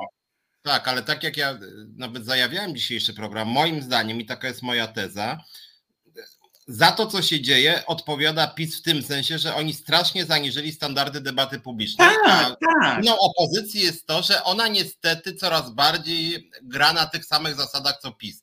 Czyli PiS rzuca jakiś totalny bubel, totalny bubel, ale efekciarski. Zupełnie tak jak to kiedyś ten Fogiel powiedział w tej swojej słynnej wypowiedzi, że oni tam nie mają ekspertów, bo eksperci z nim nie zgadzają. I to dokładnie tak jest, że oni tak po prostu palną coś, tak palną 15 rzeczy, właściwie wszystkie są bez sensu, ale mają władzę. Oni się tak nauczyli, że nikt tego nie rozlicza, w związku z czym, że tak. bardziej, że efekt przynosi, lepszy efekt przynosi e, e, obiecanie czegoś ładnie, tam potem mówienie o tym przez ileś czasu, niż potem weryfikacja tego e, przynosi Tak, złego. milion samochodów elektrycznych, tam 100 tysięcy mieszkań, no z tymi mieszkaniami, co rozmawialiśmy, to akurat jest przykład, tak, już niezależnie co sądzimy o pomysłach PiSu, była to totalna klapa, totalna kompromitacja bardzo ważnego programu mieszkaniowego. W związku z tym już pytają, no dobra, panie Fogiel, to co żeście przegrali, nie? A on mówi, ja nie mogę, o czym pani mówi. Właśnie. Ale zobacz, ale zobacz, o tym oni powiedzieli właśnie, to, to jest akurat o tych mieszkaniach, to jest jedno, co się przy, e, przyznają e, i jeszcze robią z tego zasługę dla siebie, bo oni mówią, tak. jak nam coś nie wyjdzie, to jasno mówimy co, ale dopiero w takim przypadku, jak już nie można było nijak tego tak, ale mówię, że, odwrócić. Nie?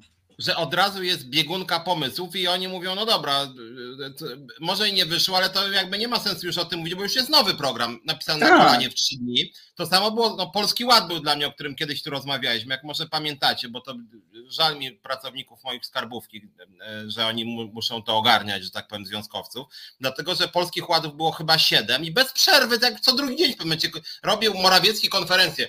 Polski Ład jest świetnym programem, no dobra, ale tutaj przecież w ogóle to się nie kalkuluje i widzę, że tutaj ludzie mają znacznie wyższe te podatki. Kłamał pan, panie premierze. Co? Słuchaj tam, Dworczyk, jak to kłamałem? Dobra, 15 minut później, konferencja prasowa. Niniejszym rozporządzeniem naprawiamy Polski Ład. Teraz to już jest naprawdę najlepszy program w historii Polski podatkowych i tak powiedzmy 10 razy, tak żeby już zdezorientować tych ludzi. Tam no i zawsze się, prze... no bo taka jest prawda, że zawsze e, bardziej się przebija sytuacja kolejnej obietnicy, bo ludzie z kolejną nadzieją się jakoś tam e, odnoszą do tego, niż ogłaszanie kolejnej klapy, tak? Bo, bo jak ktoś ogłosi klapę, to wiadomo, że komuś zależy na tym, żeby tego, żeby tego nie traktować jako klapę, więc rusza, rusza swoją machinę, która ma zadeptać tamtą machinę, która ma zadeptać ich machinę, tak? I tam zaczyna się kocioł ale tutaj po tej stronie dobrej jest, e, w tym, tutaj się jakiś kocioł tam robi, wiesz, tak się miesza, miesza, miesza, że nie a tutaj wychodzi jakiś inny, e, ktoś, znaczy jakiś inny program, który jest, ale dajemy wam nadzieję. Żarówka w każdym domu, nie? E, I są, o kurwa, żarówka, dobra, tam, tam się dalej biją, nie? Ale ludzie już się przesiedli, no słuchamy, co, co z tą żarówką i rozumiesz, i jadą.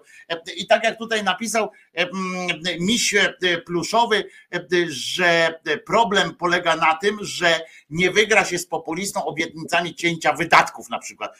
Otóż Otóż po pierwsze można, bo, bo to się okazało już kiedyś, e, że można, bo przypomnę, że e, e, Platforma jednak miała drugą kadencję, a przez całą pierwszą cięła wydatki i odpowiednio im się udało. Teraz jest teraz trochę inaczej, ludzie już są rozbudzeni w inny sposób, w związku z czym to się dwa razy już by się nie udało tak, ale co stoi na przeszkodzie? My tu z Piotrkiem nie sugerujemy, że, że opozycja powinna wyjść, wychodzić codziennie, opowiadać, czego nie zrobi, tak? E, e, to zupełnie nie o to chodzi, ale co by się stało złego, żeby zamiast takiej sraczki pomysłowej, takiej szybkiej, że coś szybko, szybko, bo akurat, bo akurat kamera TVN-u przyjeżdża, nie? To kurde szybko, e, burza mózgów, burza mózgów. E, przyjeżdża za godzinę e, redaktor, redaktor tutaj z TVN-u. No przecież kurczę, nie, nie, nie ten, albo tam z Polsatu. Dzisiaj naszą wizytę w Półtusku będzie, będzie relacjonował Polsat. Kurde, to nie może być takie zwykłe spotkanie, coś, kurde, panowie, szybciutko, szybciutko, już jedziemy. A może jakaś kobieta, dobra, coś tam o kobietach. Nie, nie masz żadnych pomysłów? No nie. Miałam, ale to bardziej chciałabym w Raciborzu, bo, bo tam będę miała jutro przemówienie i tak chciałabym, a jak to już powiedzą, no to już sketch będzie ograny. Kurde, dobra, poczekaj.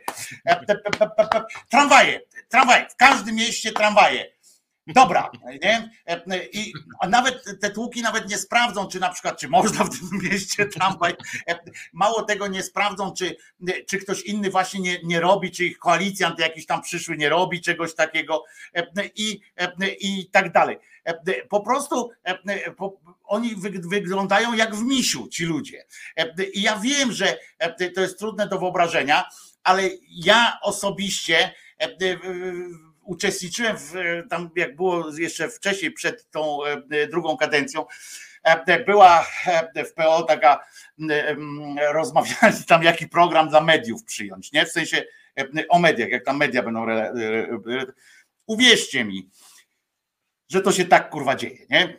przepraszam za tą kurwę, ale to się tak dzieje naprawdę, że wychodzą e, stare dziady i e, kombinują, e, próbują teraz zrobić nowy projekt, nie? I to, hmm, co jeszcze? O czym to, na co to narzekają? Rachonia, to oni są w stanie wpisać, na przykład zaproponować e, wpisanie do konstytucji, e, że nie wolno e, drzewa, lasów sprzedawać, nie? I oni chcą to w konstytucji mieć wpisane.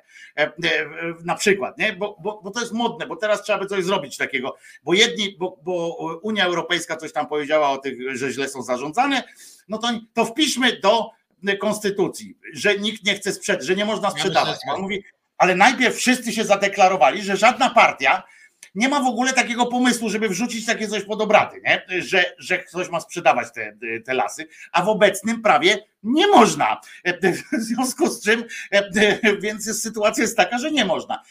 Wszyscy deklarują, że nie ma takiego problemu, żeby ktoś wyskoczył z taką propozycją ale jest propozycja. Potem nagle ktoś mówi, mmm, ale kurczę, trzeba dalej ciągnąć ten temat, bo teraz jest to modne no to wyciąga właśnie argument, wpiszmy to do konstytucji. I PSL wyjeżdża, wpiszmy do konstytucji. Akurat e, e, to, że lasów nie można sprzedawać. No, e, naprawdę potem będzie, że, że wpiszmy do konstytucji, że Goździkowa ma, ma wyłączność na sprzedaż lekarstwa na ból głowy. Potem wpiszmy jeszcze, do konstytucji, że Szymlewicz nie może zapuścić i tak dalej. Że nigdy Polak nie będzie jadł robaków też do konstytucji. Do konstytucji i że zawsze będzie polskimi samochodami jeździł tymi prawdziwymi, prawda, na benzynę. Tak jest. Nawet jakby miał chodzić, nawet jakby były bez podłogi e, i po prostu jak jaskiniowiec miał nogami je odpychać, to nie będzie e, tak. I że każdy Polak e, będzie, ma obowiązek wspierać polskie mięso, jak powiedział Kowalski, on wspiera polskie mięso, jedząc schabowego. Ciekawe, czy ta świnia czuje się tak bardzo wsparta. E, e, rozumiesz, że ta świnia, z której ten schabowy został wycięty, taka jest, hurra, jestem Polką, e, jestem Polką, żywicielką Polaków, jest mi dobrze, bo Polak mnie zje i, i fajnie, fajnie jest. No i jeszcze do konstytucji można wpisać, że ksiądz to jest ksiądz na przykład. Nie? Tak, tak, tak. Ksiądz to jest ksiądz, nie? I... To ksiądz to jest ksiądz i oczywiście ksiądz ten pierwszy z dużej litery i ten drugi z dużej litery. No oczywiście, że tak. Ksiądz to jest ksiądz i e, na przykład taka, taka ogólna e, myśl. Piotrze, bo jest 21.32 tak, tak, możemy tak. nie zdążyć na papieską nutę. E, mam nadzieję, że mamy jakąś piosenkę niepapieską przygotowaną E, e, ta świnia umiera za ojczyznę, tak jest, to nasz realizator dodał i tak, taka jest prawda, że ona się dumna jest z tego, e, że karmi polskich żołnierzy, na przykład i żołnierki. Gorzej z jakiej jak trafi akurat na stół jakiegoś lewaka, proszę was, to, to potem to tej świń temu schabowemu się żygać chce. Słuchajcie, no to coś, zaśpiewamy, idziemy na balkon jarać, pijemy za cały ten ZUS, także nie wiem jak się spotkamy, chyba poziom. Słuchamy piosenek. Jaka jest Azja, każdy widzi. Ale czy na pewno? Blanka Dżugaj wraz z gośćmi bierze pod lupę bieżące wydarzenia z największego kontynentu świata. Nadaje im kontekst, analizuje i interpretuje. Czasem odczytuje przyszłość, ale nie z fusów, lecz z faktów. A wszystko po to, by Azja była dla widzów i widzek terra bardziej kognita. Każdy wtorek od 19.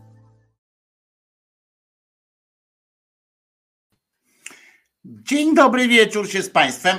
Ja to zawsze myślałem, ja to jestem z pokolenia, które e, słowo Azja kojarzy w liczbie, znaczy w, w męsko, jako męskoosobowe, był Azja Tuchajbejowicz, więc mówi się, jaki był Azja, każdy widzi. E, e, powinno być, ale nie, oczywiście zapraszamy na audycję koleżanki Czugaj. Dużo wiedzieć, dużo się można dowiedzieć o, o Azji. Ja nie zawsze uczest... oglądam na, na żywo, ale naprawdę fajne fajne się pojawiają tam, e, zaskakujące czasami e, treści. E, przed wami świński duecik Piotr Szumlewicz, członek założyciel Związku Zawodowego Związkowa Alternatywa. Tam można do niego się zgłaszać z różnymi problemami oczywiście, a jak chcecie, nie macie innego sposobu, żeby się do niego zgłosić, to w środy Piotrek prowadzi swoją własną taką autorską audycję Czas na Związki i jest to audycja niestety związków zawodowych, o związkach zawodowych, a nie jakaś, żebyście poznali tam kogoś fajnego na resztę życia, chociaż można się też związać ze związkiem zawodowym, to też jest czasami czasami daje profity. A ja się nazywam Wojtko Krzyżaniak. E, jak realizator pozwoli, to będzie nawet to napisane, że o Piotrku i o mnie e, e, i kto, się, kto jesteśmy.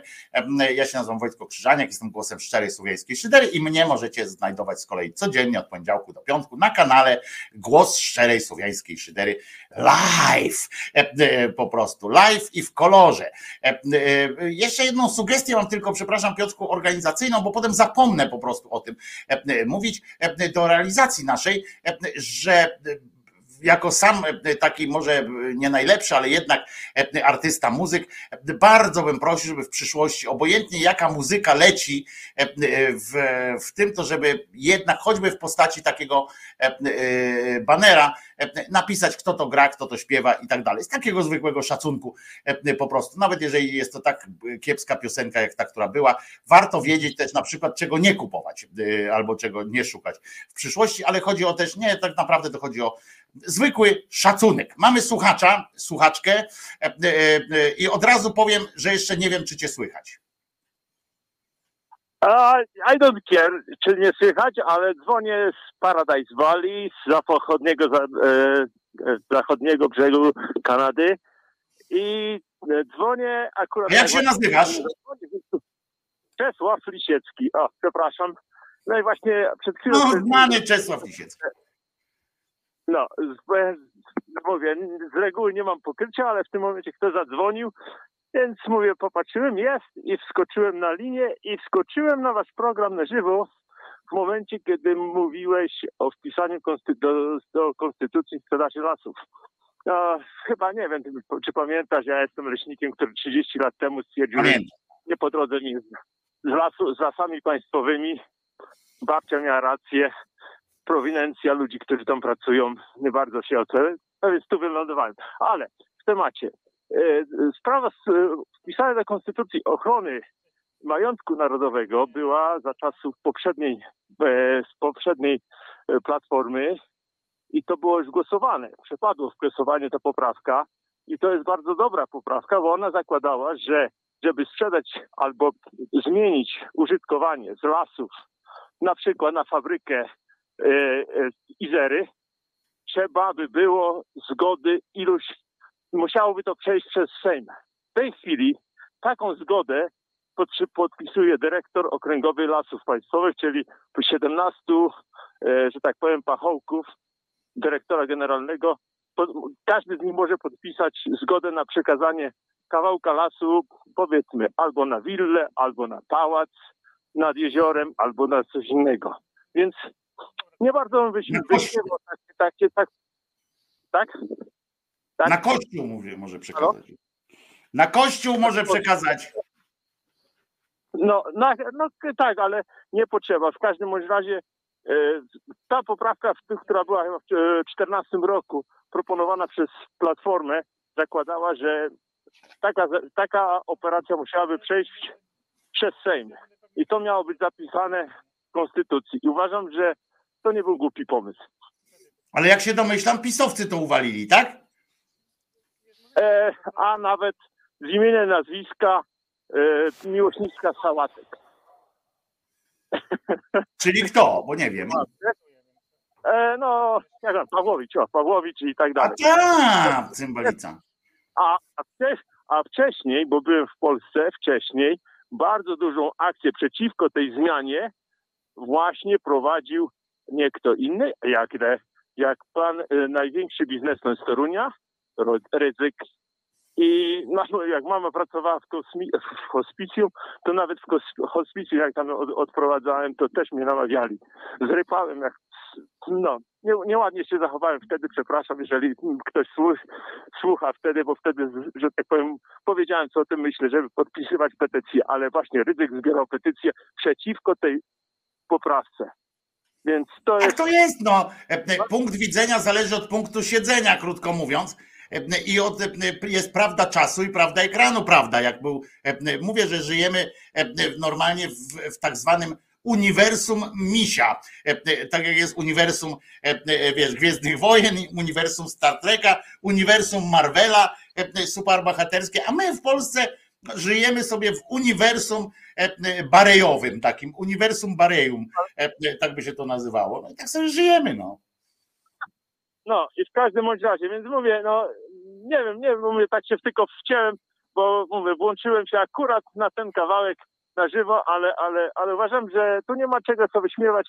Taka poprawka, majątek narodowy powinien być chroniony i nie jak, jakoś, żeby to tak nie wychodziło. Nawet powinna być trzy czwarte głosów na przykład za, za albo inaczej.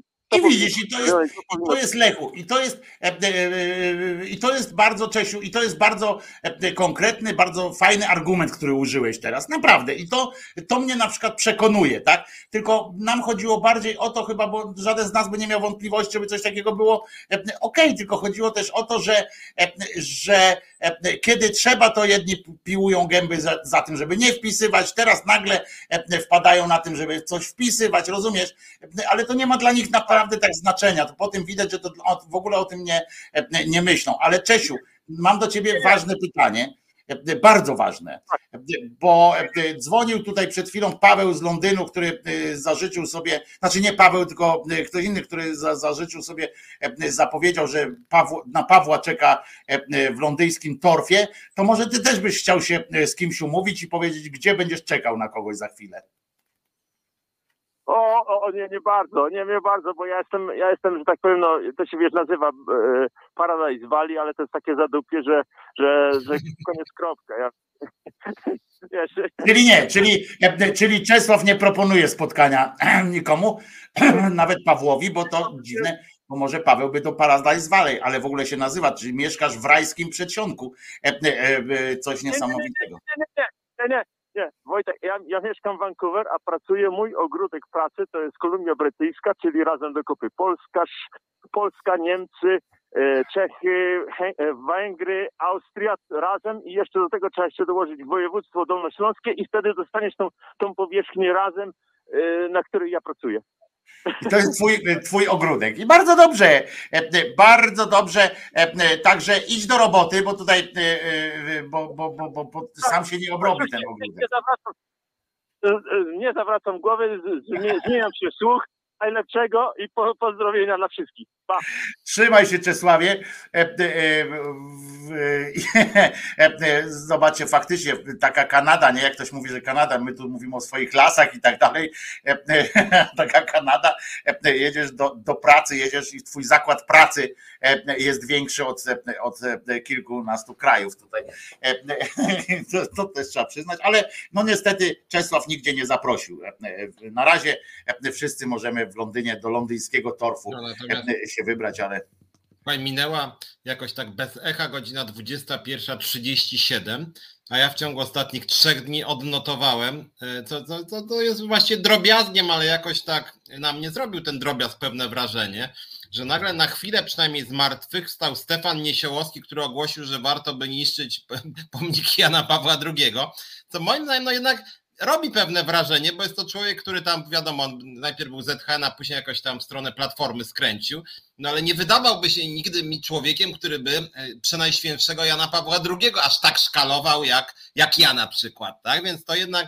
Aż tak zwrot... nie, ale było, trzeba oddać Niesiołowskiemu, którego bardzo nie lubię, e, e, za to trzeba mu oddać, że generalnie akurat jego stosunek do JP Tuły był dosyć szybko ewoluował w, w stronę w stronę może nie pogardy od razu, ale, ale bardzo dużych wątpliwości. I jako jeden z pierwszych w tym takim katozjeb, z tych takiego katozjebczego środowiska, jeden z pierwszych, który dostrzegł, dostrzegł niestosowność pewną mówienia o tym człowieku per święty i tak dalej prawda? Chociaż, ale, ale... chociaż no, trzeba oddać, że jednak w jego imieniu wywołał E, całą masę e, e, robił całą masę złych rzeczy, zrobił w jego imieniu. Ja też nie jestem, broń Boże, że tak powiem, fanem Niesiołowskiego.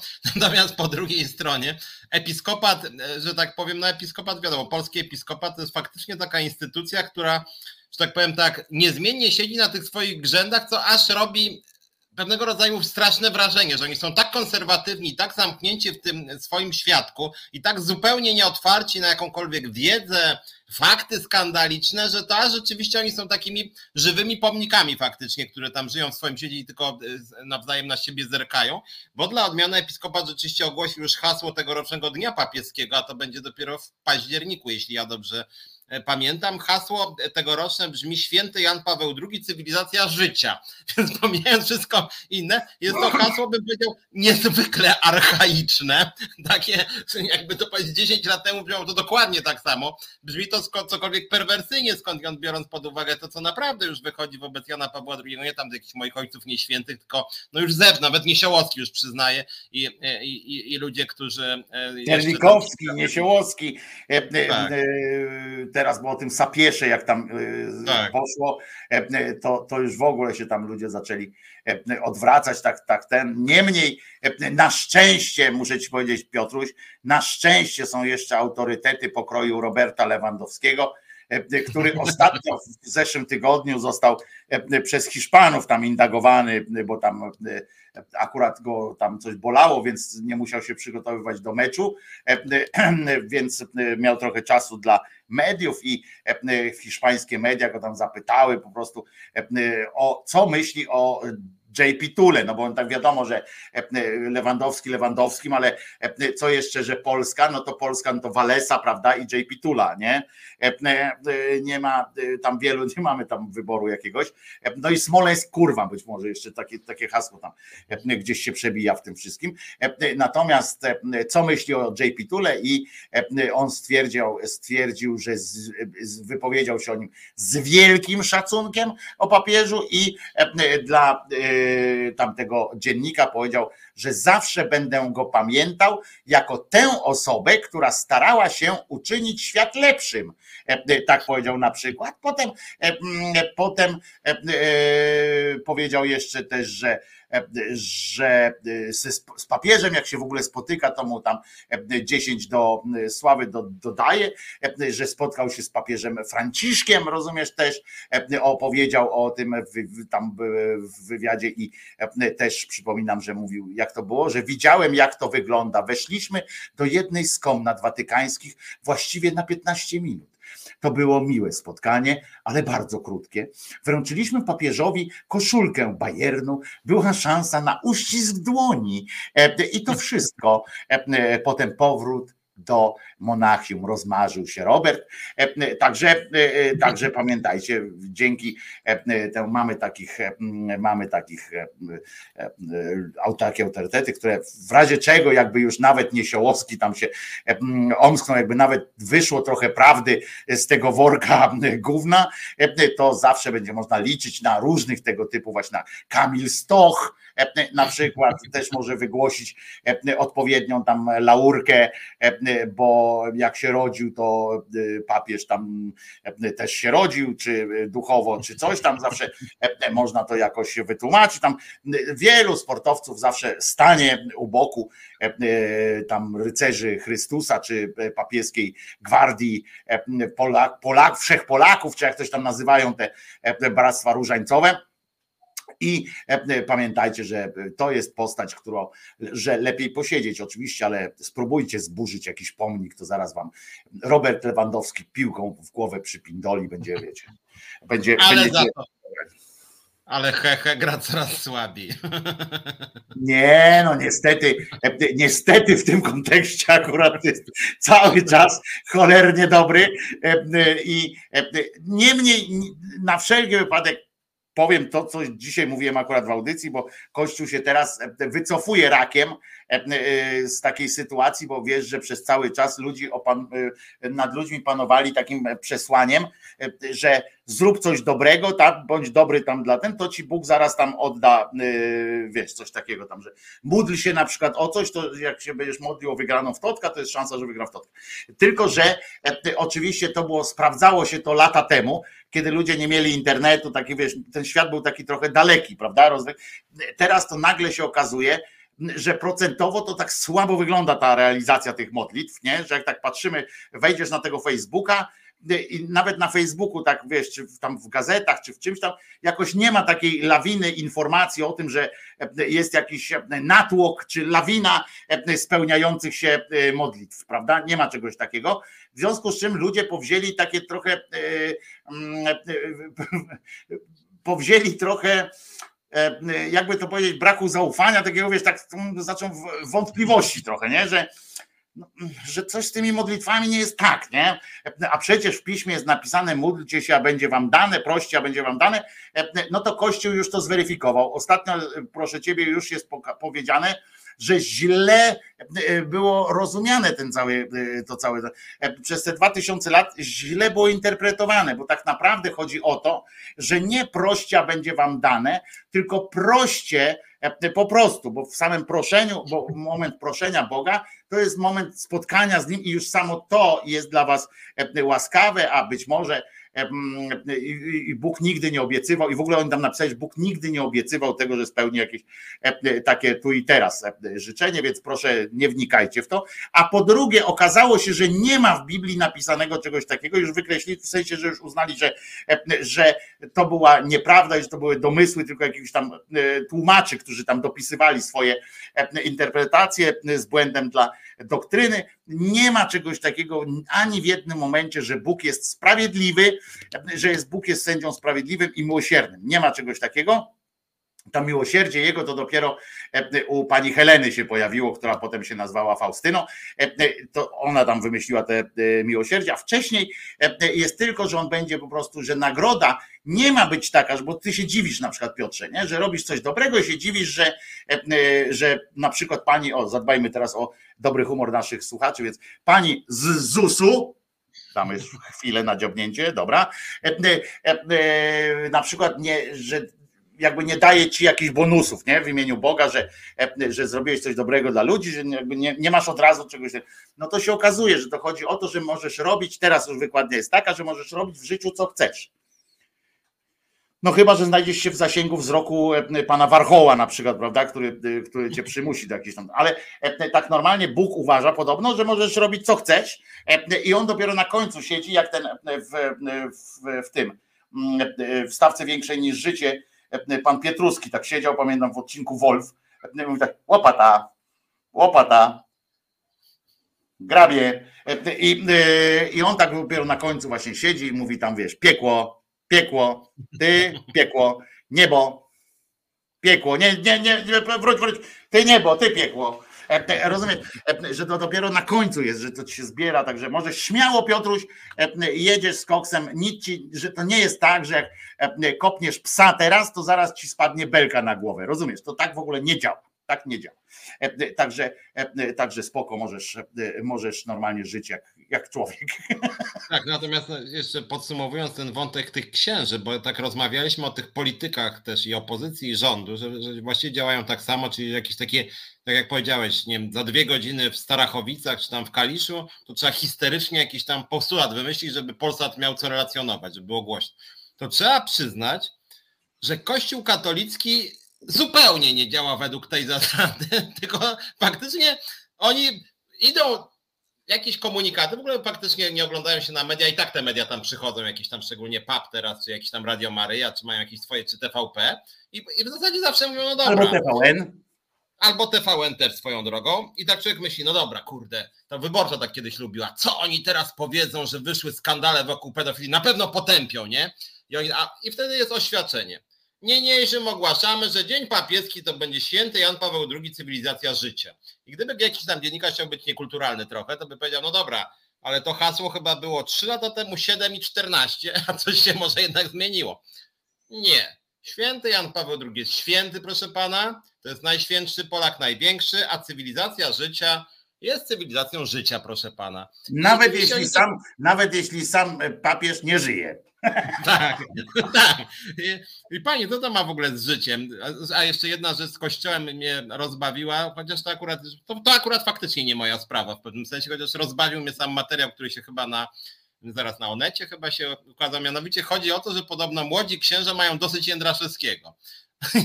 Tak, tak, jest coś takiego, tak, jest taki, jest teraz taki trend, że, że podobno nawet strajk włoski zorganizowali. Nie wiem, co to oznacza, że oznacza, że muszą mu pałkę wyczyścić tak, że po prostu do białej Polski czy o co A może, słuchaj, nie, a może to jest strajk włoski wobec wszelkich usług, czyli na przykład idziesz na spowiedź, tam czekasz, a ten ksiądz tak po siedmiu minutach no to jak zgrzeszyłeś, tam coś gadasz? I on tak pięć minut czekasz i tam powie, że coś tam masz zrobić, albo o ślub, nie, ślub. I tak jak już ta para czeka i ten ksiądz tak sobie grzebie się, coś tam wolno sobie tam, nie wiem, strój jakoś poprawia, nie, że, że oni włoski strajk, w sensie tak drobiazgowo te wszystkie procedury, że na przykład niestety myślę, że, jak, niestety myślę, że ten włoski strajk, e, skoro ma być skierowany, żeby zauważył go Jędraszewski, który e, który bynajmniej nie, nie, nie spowiada się żadnemu z nich e, i, i nie byłoby to dla niego żadnym, żadną przeszkodą. Myślę, że na przykład ewentualnie mogą mu e, wolniej, teraz nie w, w szybkowarze, e, tylko w wolnowarze gotować jakieś tam, wiesz, jeleninę albo, albo coś takiego ewentualnie właśnie mówię, no, że może to być takie dokładniejsze, takie wiesz, aż do znudzenia, taki po prostu petting, ale na przykład, ale aż do znudzenia, prawda? Seks oralny do po prostu do nudy już, nie? Że, że po prostu koleżka zapomni o tym, że to właściwie, że miał ochotę, nie? I tak będzie, tak będzie ten. Akurat w tym kontekście wpis pogadaj z chłopakami może być odebrany dwojako, ale okej, okay, przyjmujemy to, zapraszamy pogadać z chłopakami. Mm, więc, więc mówię, być może to o to chodzi, że on sobie tak zażyczył, wiesz, że i teraz ci klerycy, a tak naprawdę, bo to chodzi o to, to ja, bo ja sobie od razu kliknąłem, wiesz, jak to mówiłeś, ja sobie kliknąłem, żeby było wiadomo, ostatnio znowu głośno o Jędraszewskim, który w liście papierski, papier, pasterskim, a w ogóle ty, dlaczego ten, to trzeba by sprawdzić, dlaczego episkopat nazywa się episkopat, a nie episkopat, nie? że tam od biskupów. E, e, to tak, e, już tak dziwnie, ale w Polsce tam, że winę za niską dzietność w Polsce ponoszą media.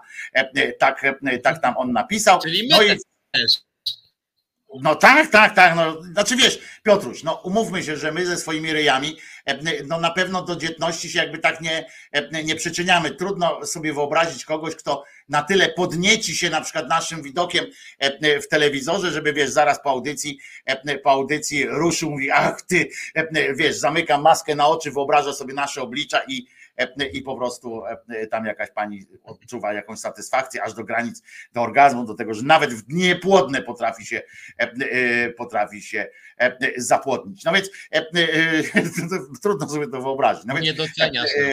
No. Czytam potem, że ten Jędraszewski tam przytaczał głos i tak dalej, powiedział, że media.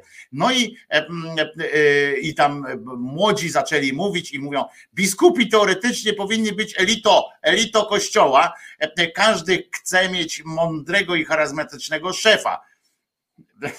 A co jeśli taką funkcję pełni ktoś, za kogo trzeba się wstydzić i ktoś, kto swoim postępowaniem pogłębia kryzys w kościele? Pyta ksiądz Łukasz, e, e, oczywiście anonimowo, e, pyta tam w gazecie wyborczej. Potem powiedzmy sobie szczerze, co wypowiedź to wpadka, a owoce zbieramy na księżowskim dole. To tam się odbywa obrywa od wiernych. Tak z kolei e, ksiądz Janek e, e, był łaskaw powiedzieć, wyrzucić z siebie swój, swoje gorzkie żale. No to ja przypominam panie Janku i tamten panie Januszu, nie ma obowiązku w Polsce jeszcze, może będzie, ale jeszcze nie ma. Możesz się pan wziąć do normalnej roboty, nie? Jak pan lubisz na przykład ludziom pomagać, bo może pan Janek, pan ten tam Krzysiu, może są w dobrej wierze, chcieli po prostu iść do tego. Zawsze można założyć jakąś organizację pozarządową, która się zajmuje wspieraniem. Można zająć się młodzieżą, która jest zaniedbana psychologicznie i tak dalej, i tak dalej. Naprawdę poza kościołem jest wiele możliwości zrobienia do czegoś dobrego. W kościele tych możliwości jest stosunkowo najmniej, panie, panie Janku, e, więc e, i nie musiałby się pan wstydzić, sam by pan mógł być swoim charyzmatycznym szefem. E, to też jest dużo oddaje. Fajnie by to było. A swoją drogą dwie takie, dwa, dwa, dwie takie, dwa takie newsy graficzne, że tak powiem, na które dzisiaj nawet wpadłem. Pierwszy, nie wiem czy widziałeś, coś co miało duży zasięg, mianowicie wpis na profilu Patryka Jakiego, taka grafika, e, hardkorowa rzecz, mianowicie pokazany jest człowiek, który siedzi w oknie i sugestia jest taka, że chce wyskoczyć, jest podpisane mam dosyć życia bez sensu, e, po czym u dołu jest obrazek, gdzie pan już siedzi na parterze i po prostu schodzi sobie na ziemię, czyli nie wyskakuje, tylko schodzi i jest napisane pójdę do kościoła na mszę świętą.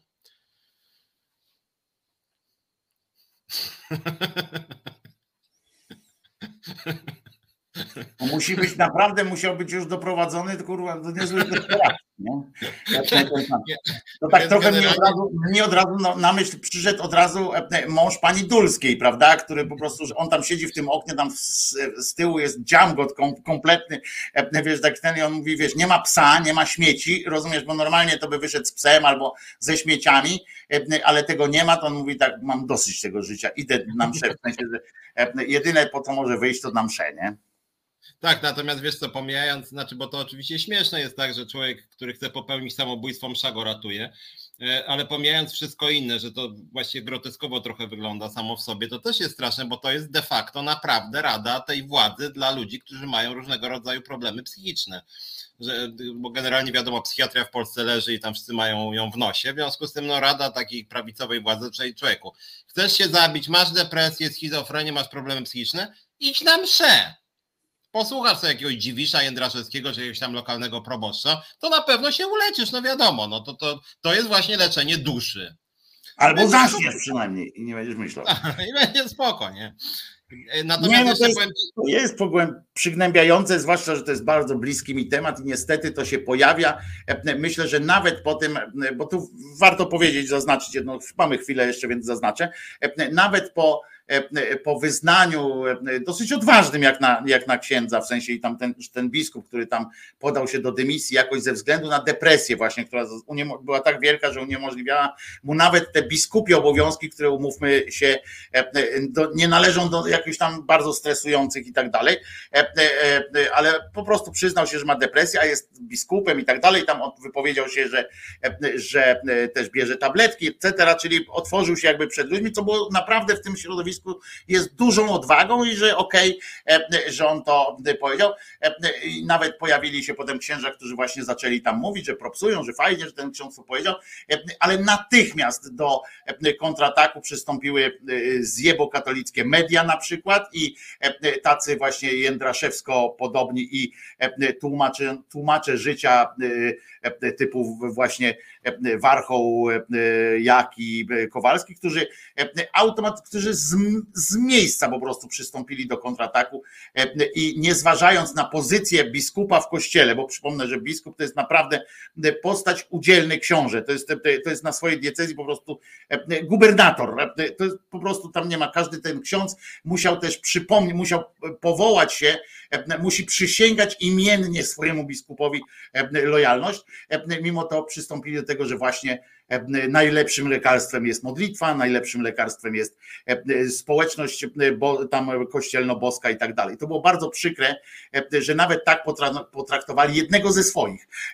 I, i kiedy mieli taki dobry moment na wykorzystanie tej sytuacji, pojednanie się jakby kościoła w tej kwestii z nauką i nie kłócące się nawet sposób, że mogli pokazać po prostu, że otworzyć jakoś, to nie wybrali tą drogę konfrontacji, to takiej totalnej konfrontacji, która jest ze szkodą dla wszystkich ludzi. E, po prostu. E, siostra Dorota, niech twoja wanienka będzie najczystsza, a pan proper e, w miarę tani. Zawsze tani. Zawsze tani. Dobry Ale w miarę, no już teraz przy tej inflacji, no już nie szalejmy, no. To nawet najczystsza wanienka nie, nie, nie da rady. Proper, wanienka jest łaskawa i wiesz, dobra, nie zagaduj. Mam pytanie do Piotra, ponieważ e, interesuje mnie sprawa związana, czy coś wiadomo na temat sprawy Darka Pawełczaka? Eee, znaczy, bo Darek to jest dla odmiany, jak ktoś nie wie, to jest zwolniony dyscyplinarnie lider naszego związku, Związkowej Alternatywy w Komunikacji Miejskiej No, więc... Mój kolega Jasne. No, w każdym bądź razie był, była kolejna sprawa sądowa w sprawie Darka, nie będę się rozwodził, bo o tym sporo mówię w, w środę, natomiast... Najpierw byście musieli Natomiast trzema zdaniami jest tak, że była e, dwa dni temu kolejna sprawa sądowa i w ramach tej sprawy sądowej e, strona przeciwna, czyli pracodawca znowu nas zarzucił wnioskami podobnie jak pani Uścińska o to, żebyśmy przekazali sądowi różnego rodzaju tak zwane formalne papiery związane z tym, że w jaki sposób związek powstał, a kto go reprezentuje, a czy jest zgodny ze statutem, czyli coś, co moim zdaniem w ogóle jest bardzo niebezpieczne, bo to jest kwestionowanie niezależnych związków zawodowych i uważam, że to jest próba de facto powrotu do sytuacji z roku 1980, tylko metodami formalnymi, a nie milicyjnymi, że tak powiem. Czyli taka próba mhm. właśnie otwartego kwestionowania niezależnych związków zawodowych. Natomiast można to też tak interpretować, że sąd częściowo, można powiedzieć, przedłużył, żeby przyjrzeć się jednak tym papierom, nie dlatego, żeby podzielał argumentację pracodawcy, tylko dlatego, e, żeby sąd apelacyjny, jeżeli taki by był, e, e, żeby nie odesłał Aha. sprawy do ponownego rozpatrzenia ze względu na to, że były pewne rzeczy, które po prostu sąd w ogóle nie wziął pod uwagę. Tak, tak Więc tak, według tak, mojej wiedzy Dobra. i mojej znajomości prawa Darek tą sprawę powinien wygrać, zresztą niezależnie od tego, że będzie jeszcze co najmniej jedna rozprawa, czy prawdopodobnie jedna, to ta sprawa idzie bardzo szybko akurat, to znaczy najszybciej ze znanych mi spraw, bo to jest de facto kilka miesięcy, a w Warszawie takie mhm. sprawy trwają 2-3 lata, więc moim zdaniem idzie ku dobremu, ale ja jakby nie chcę przesądzać, bo sądy różnie orzekają, niezależnie okay. od tego, co, co, co mi się wydaje. Na podstawie mojej znajomości prawa powinien być przywrócony do pracy, tym bardziej, że przeciwko pracodawcy oskarżycielem publicznym jest inspekcja pracy, również sama z siebie wystąpiła no przeciwko no tak, pracodawcy. Tak, tak, tak, znam temat oczywiście, dobrze, fajnie, dziękuję. Chciałam po prostu, ponieważ nigdzie nie trafiłam na informacje i, i mówię, ja wykorzystam okazję. Dobra. Także dzięki, dobranoc. Dzięki bardzo. Na razie. Dobra, no ja chciałem, a to, o tym będę w środę mówił więcej, natomiast chciałem jeszcze jeden ciekawy taki, że tak powiem, news e, obrazkowy, który jakoś tam sporo mówi o Polsce, bo ten wpis Patryka Jakiego sporo mówi o tej Polsce pisowsko-solidarno-polskiej. E, drugi dzisiaj, to z dzisiaj była informacja, która wyglądała bardzo memicznie i ona się stała memem, ale faktycznie była newsem, który się pojawił nie tylko w Super Expressie, ale nawet na jakimś WPPL czy Interi. E, mianowicie, że pijana babcia przebrana za zakonnicę nocą jechała do wnuka i tłumaczyła, że chciała oswoić wnuczka z pierwszą komunią. I to akurat też jest bardzo, że tak powiem, polska scena, jakby to powiedzieć. Ale... Ona chciała go oswoić bardziej e, oparami alkoholu, czy, e, czy przebraniem w, zakonnicę? E, I skąd ona miała ten strój? Bo jeżeli ona miała ten strój zakonnicy, rozumiesz, taki kupiony w, w sklepie tamtym, co sprzedaje te wszystkie właśnie sprzęty dla kościoła, to jeszcze pół biedy. Chociaż on jest cholernie drogi, bo kiedyś chciałem sobie kupić oryginalną, tą, jak ona się, ten hałat się nazywa księżowski, chciałem sobie kupić to to jest oryginalny, to jest strasznie drogi e, e, po prostu, e, ale dużo taniej można taki sprzęt dostać w seks shopach. On jest gorszej jakości trochę. Czasami momentami śliski, bo też wchodzą te warianty lateksowe w ten, ale być może babcia chciała w ogóle wprowadzić wnuczka czy wnuczkę E, w taki świat, wiesz, no pełne, do kościoła pełną gębą, e, czyli tak wiesz, e, na pełnej, jak to się tak ładnie mówi, ale jest coś w tym rozczulającego, taki, taki polski news, nie? Że, że jest alkohol, jest polska babcia, jest siostra zakonna, jest, jest pierwsza komunia, wszystko jest w, tym, w tej opowieści. Faktycznie, masz rację, to jest takie... Tak, taki obrazek z życia. Tak, taki obrazek, fragment, tak, fragment życia. Mógłby trafić spokojnie do jednego z odcinków, tam uwaga na życie, czy jak to się tam nazywa, te, te seriale takie, co to o życiu niby tak, opowiadają. Tak, tak, tak, tak. tak, tak ale właśnie to jest coś co, coś, co mogłoby być częścią filmu i zarazem częścią rzeczywistości, więc to akurat tak, tak. tylko ci powiem, że jakby to się na filmie pojawiło u Patryka Wegi na przykład, to by wszyscy pomyśleli, Jeny, znowu popłynął już ten, to już nie ma o czym, e, o czym e, kręcić, wiesz, tam nie ma tych e, a potem by ktoś odwrócił właśnie jakiś ten, patrzył w gazecie, hmm, hmm, to, to, to było, to naprawdę się wydarzyło. No przykro to jest, ale nie gwałćcie praw babci zakonnych. No też ja wcale nie odbieram jej prawa. No, chociaż ten alkohol wypity i tak, no w to trochę psuje ten cały, ten mogła wypić, tuż przed, przed spotkaniem z wnuczkiem po prostu. Nie, bo najwyraźniej się zestresowała się tą całą sytuacją, więc to ja też, no cóż. No, no ale to mówię, to mogła to zrobić w przyszłości. Następnym takim babciom proponujemy, żeby najpierw dojechały, można kupić oczywiście alkohol w butelkach, w Polsce sprzedają, więc można się potem napić już pod domem i, i wtedy można wnuczka, wnuczkę przygotowywać do, do wszystkiego, co tam się może go spotkać najgorszego w kościele. To jest dobrze. To jest w sumie nawet trudno mieć pretensje do tej pani, że tak podeszła. Niech dziecko wie. Tomasz tu pisze jeszcze, że wypożyczyć chyba taniej. Poza tym łańska fantazja swoją drogą, który funkcjonariusz śmiał zaczepić pijaną zakonnicę. I to jest ten właśnie wyjątek taki, który stanowi ta sytuacja, że faktycznie tu jest trochę nieprzyzwoitości się pokazało, że E, też wydaje mi się, że to jest trochę naciągana historia, bo nie wierzę, żeby ktoś, żeby któryś z milicjantów zatrzymał. To chyba Super Express już właśnie e, tu przesadził, tutaj przesadził z tą historią. Wszystko było tak, wszystko było prawdopodobne do momentu, e, do momentu zatrzymania siostry zakątnej, niezależnie od stanu i upojenia, czy od tego, czy się tam kiwała, kolibała się, czy coś takiego. Chyba, że by się zatrzymał, o, to jakby Super chciał uprawdopodobnić taką historię, to by napisał, że milicjant przejął po prostu kierownicę i podjechał, podwiózł. Tak. Albo że rąbnęła drzewo i wtedy nie wiem, coś tam jej spadło, no może to w tym kierunku wtedy było bardziej. Nie, to wtedy by milicja po prostu ukarała drzewo i zawiozła siostrę e, e, e, no, pod wskazany adres nawet na piętro. Tak to, tak to, się, tak to się wydarza. Dobrze, ale w tym, w tym tak zwanym tygodniu, który, który się szczęśliwie dobiega końca, rozpoczęła się wiosna, chciałem powiedzieć. To jest takie może niepolityczne wydarzenie, ale astronomiczna wiosna się rozpoczęła 1 marca. Ja się dowiedziałem o tym 2 marca, więc już wiosną się dowiedziałem o tym, e, e, że astronomiczna, ta kalendarzowa będzie oczywiście tam za 20 dni, ale e, już mamy wiosnę tak naprawdę, to tam mówię o tym, żebyśmy wiedzieli.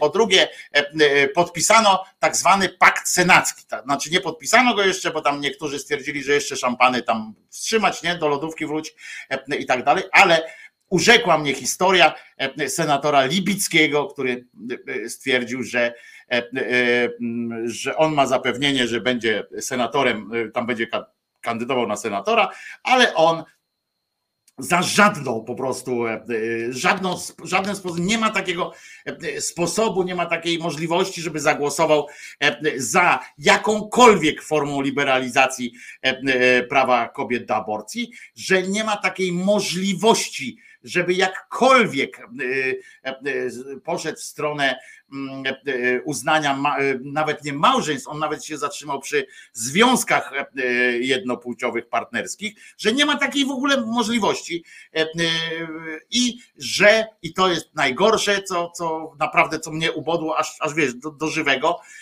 że on to mówi otwartym tekstem z uśmiechem w ogóle, jako, jako człowiek taki sprawiedliwy i tak dalej, że nie zagłosuje za żadną formą e, wsparcia e, programów in vitro.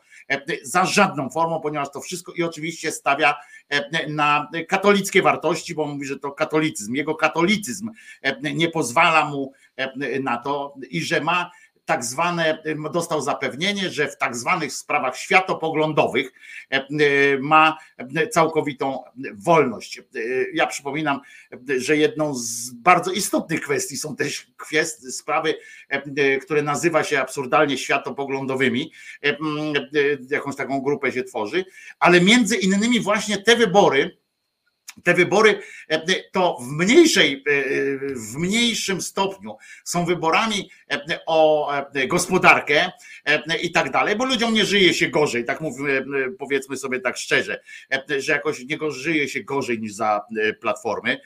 Pewnie jakoś tak przynajmniej nie tak mocno i dopiero zacznie się żyć gorzej ewentualnie, jak, jak wreszcie się okaże, że naprawdę mm, ten budżet pęknie w końcu, ale na razie tak nie jest te rzeczy dzieją się, te wybory są właśnie, dotyczą kwestii, nazwijmy je w cudzysłowie, światopoglądowymi i, i, i tak dalej. To o tym jest to o tym są te wybory. Jeżeli pan senator wyjeżdża z takim tekstem, to po prostu i że on już wie, że będzie kandydował, że coś tam. Przypomnę, że jeżeli stanie na, na wokandzie, że tak powiem, taka sprawa jakaś tam będzie głosowana, to to nie będą takie e, wyniki tych wyborów, że, że będzie 85% będzie w Sejmu czy Senatu będzie mm, po właściwej stronie i kiedy ten głos pana Libickiego przeważy, to znowu na przykład za tym, że nie będzie programów in vitro realizowanych albo nie będzie zapowiedź Tuska o związkach partnerskich, nie pójdzie jednak, to, to komu mamy wtedy dziękować? Panu samemu Libickiemu, czy tym, którzy go wciągają na te listy e, i e, e, zaprzeczając wszystkim tym wartościom, po które sięgamy tymi wyborami. Przepraszam za długą wypowiedź, Piotrze, jakbyś mógł ustosunkować, ale czuję, że musiałem to z siebie wyrzucić, bo nie, ja na ciebie co... mówiłem chyba w naszym wspólnym imieniu, że to po prostu jest tak oburzające i tak głęboko oburzające, że, że nie można tego zostawić. E, znaczy, tak sam Libicki mnie, mnie też oburza, tu podzielam. Natomiast ja mi, mnie w ogóle wkurza to, że oni sobie, to już mówiłem, że się dzielą tymi stołkami 9 miesięcy przed wyborami. Znowu dziady, że tak powiem, pięciu dziadów stoi i mówi, że oni już wszystko sobie po, poustawiali. E, i że już wiadomo kto gdzie w ogóle będzie. Ja z jednej strony jestem trochę pęknięty, bo ja z jednej strony oczywiście szczególnie Senat to nie jest Sejm, tak? Senat rozumiem, bo tutaj są te jednookręgowe mandaty, więc żeby wygrać, no to faktycznie jakby startował każdy kto chce, to pewnie PiS by wygrał, no bo wtedy by się tam głos podzielił na cztery. Jeszcze mogę zrozumieć te powiedzmy e, jedną listę, natomiast z drugiej strony to się wpisuje w coś, co... Ale są jakieś wspólne zasady, które jednak powinny tych, tych stu kandydatów łączyć. Jakoś, tak, ale... na przykład wolność na przykład kwestie wolnościowe życia, wolność życia powinny być jednak e, tym, co nas e, powinno odróżniać od tej strony e, kołtuńskiego PiSu i jeżeli ja tego nie mam wyboru, a Senat naprawdę nie będzie debatował o kwestiach gospodarczych i tak dalej, tylko właśnie będzie ewentualnie tu wspierał te sprawy. Jeśli, jeśli odbiorą mi te szanse, no to ja nie mam powodu, żeby głosować na. Nie, ale właśnie to, ale właśnie to chciałem powiedzieć, że mam wrażenie, że to się pogorszyło w stosunku do poprzednich lat. Ja wiem, że polityka to są stołki. W każdym kraju ludzie mają swoje ambicje i mają prawo do ambicji. Natomiast niestety w Polsce jest tak, że patrząc, co robi ta opozycja, to jakby widać, że tam już chodzi głównie o te stołki. No nawet ten sojusz Hołowni z PSL-em który ja nie wiem, wynika chyba z tego, że ten Hołownia uznał, że on po prostu nie zbierze 100 tysięcy podpisów, więc musi kogoś tam sobie wziąć. A, a ci, mają, zobaczy... mają struktury po prostu, które mu Tak, a ci mają struktury, a sami w poprzednich wyborach mieli 5,1, więc może w tym roku być 4,9. W związku z tym jakiś taki nie wiadomo, po, znaczy właśnie taki czysto pragmatyczny sojusz po to, żeby po prostu zaciągnęły się te same typy do Sejmu. No właśnie taki wyścig o stołki w takim najgorszym tego słowa znaczeniu. I to samo z tym Senatem, bo oni to nawet PR-owo fatalnie rozegrali, bo ja rozumiem pokazać, słuchajcie, wszyscy na rzecz praworządności zgodziliśmy się tutaj właśnie przeciwko zamordystycznej władzy, tak jak powiedziałeś, przyjmujemy pewne wspólne wartości. Tutaj PiS najbardziej uderzył w prawa kobiet, tam prawa LGBT, e, no też moim zdaniem prześladuje niezależne związki zawodowe, organizacje pozarządowe, niezależne media i tak, i tu można wymieniać dosyć długo.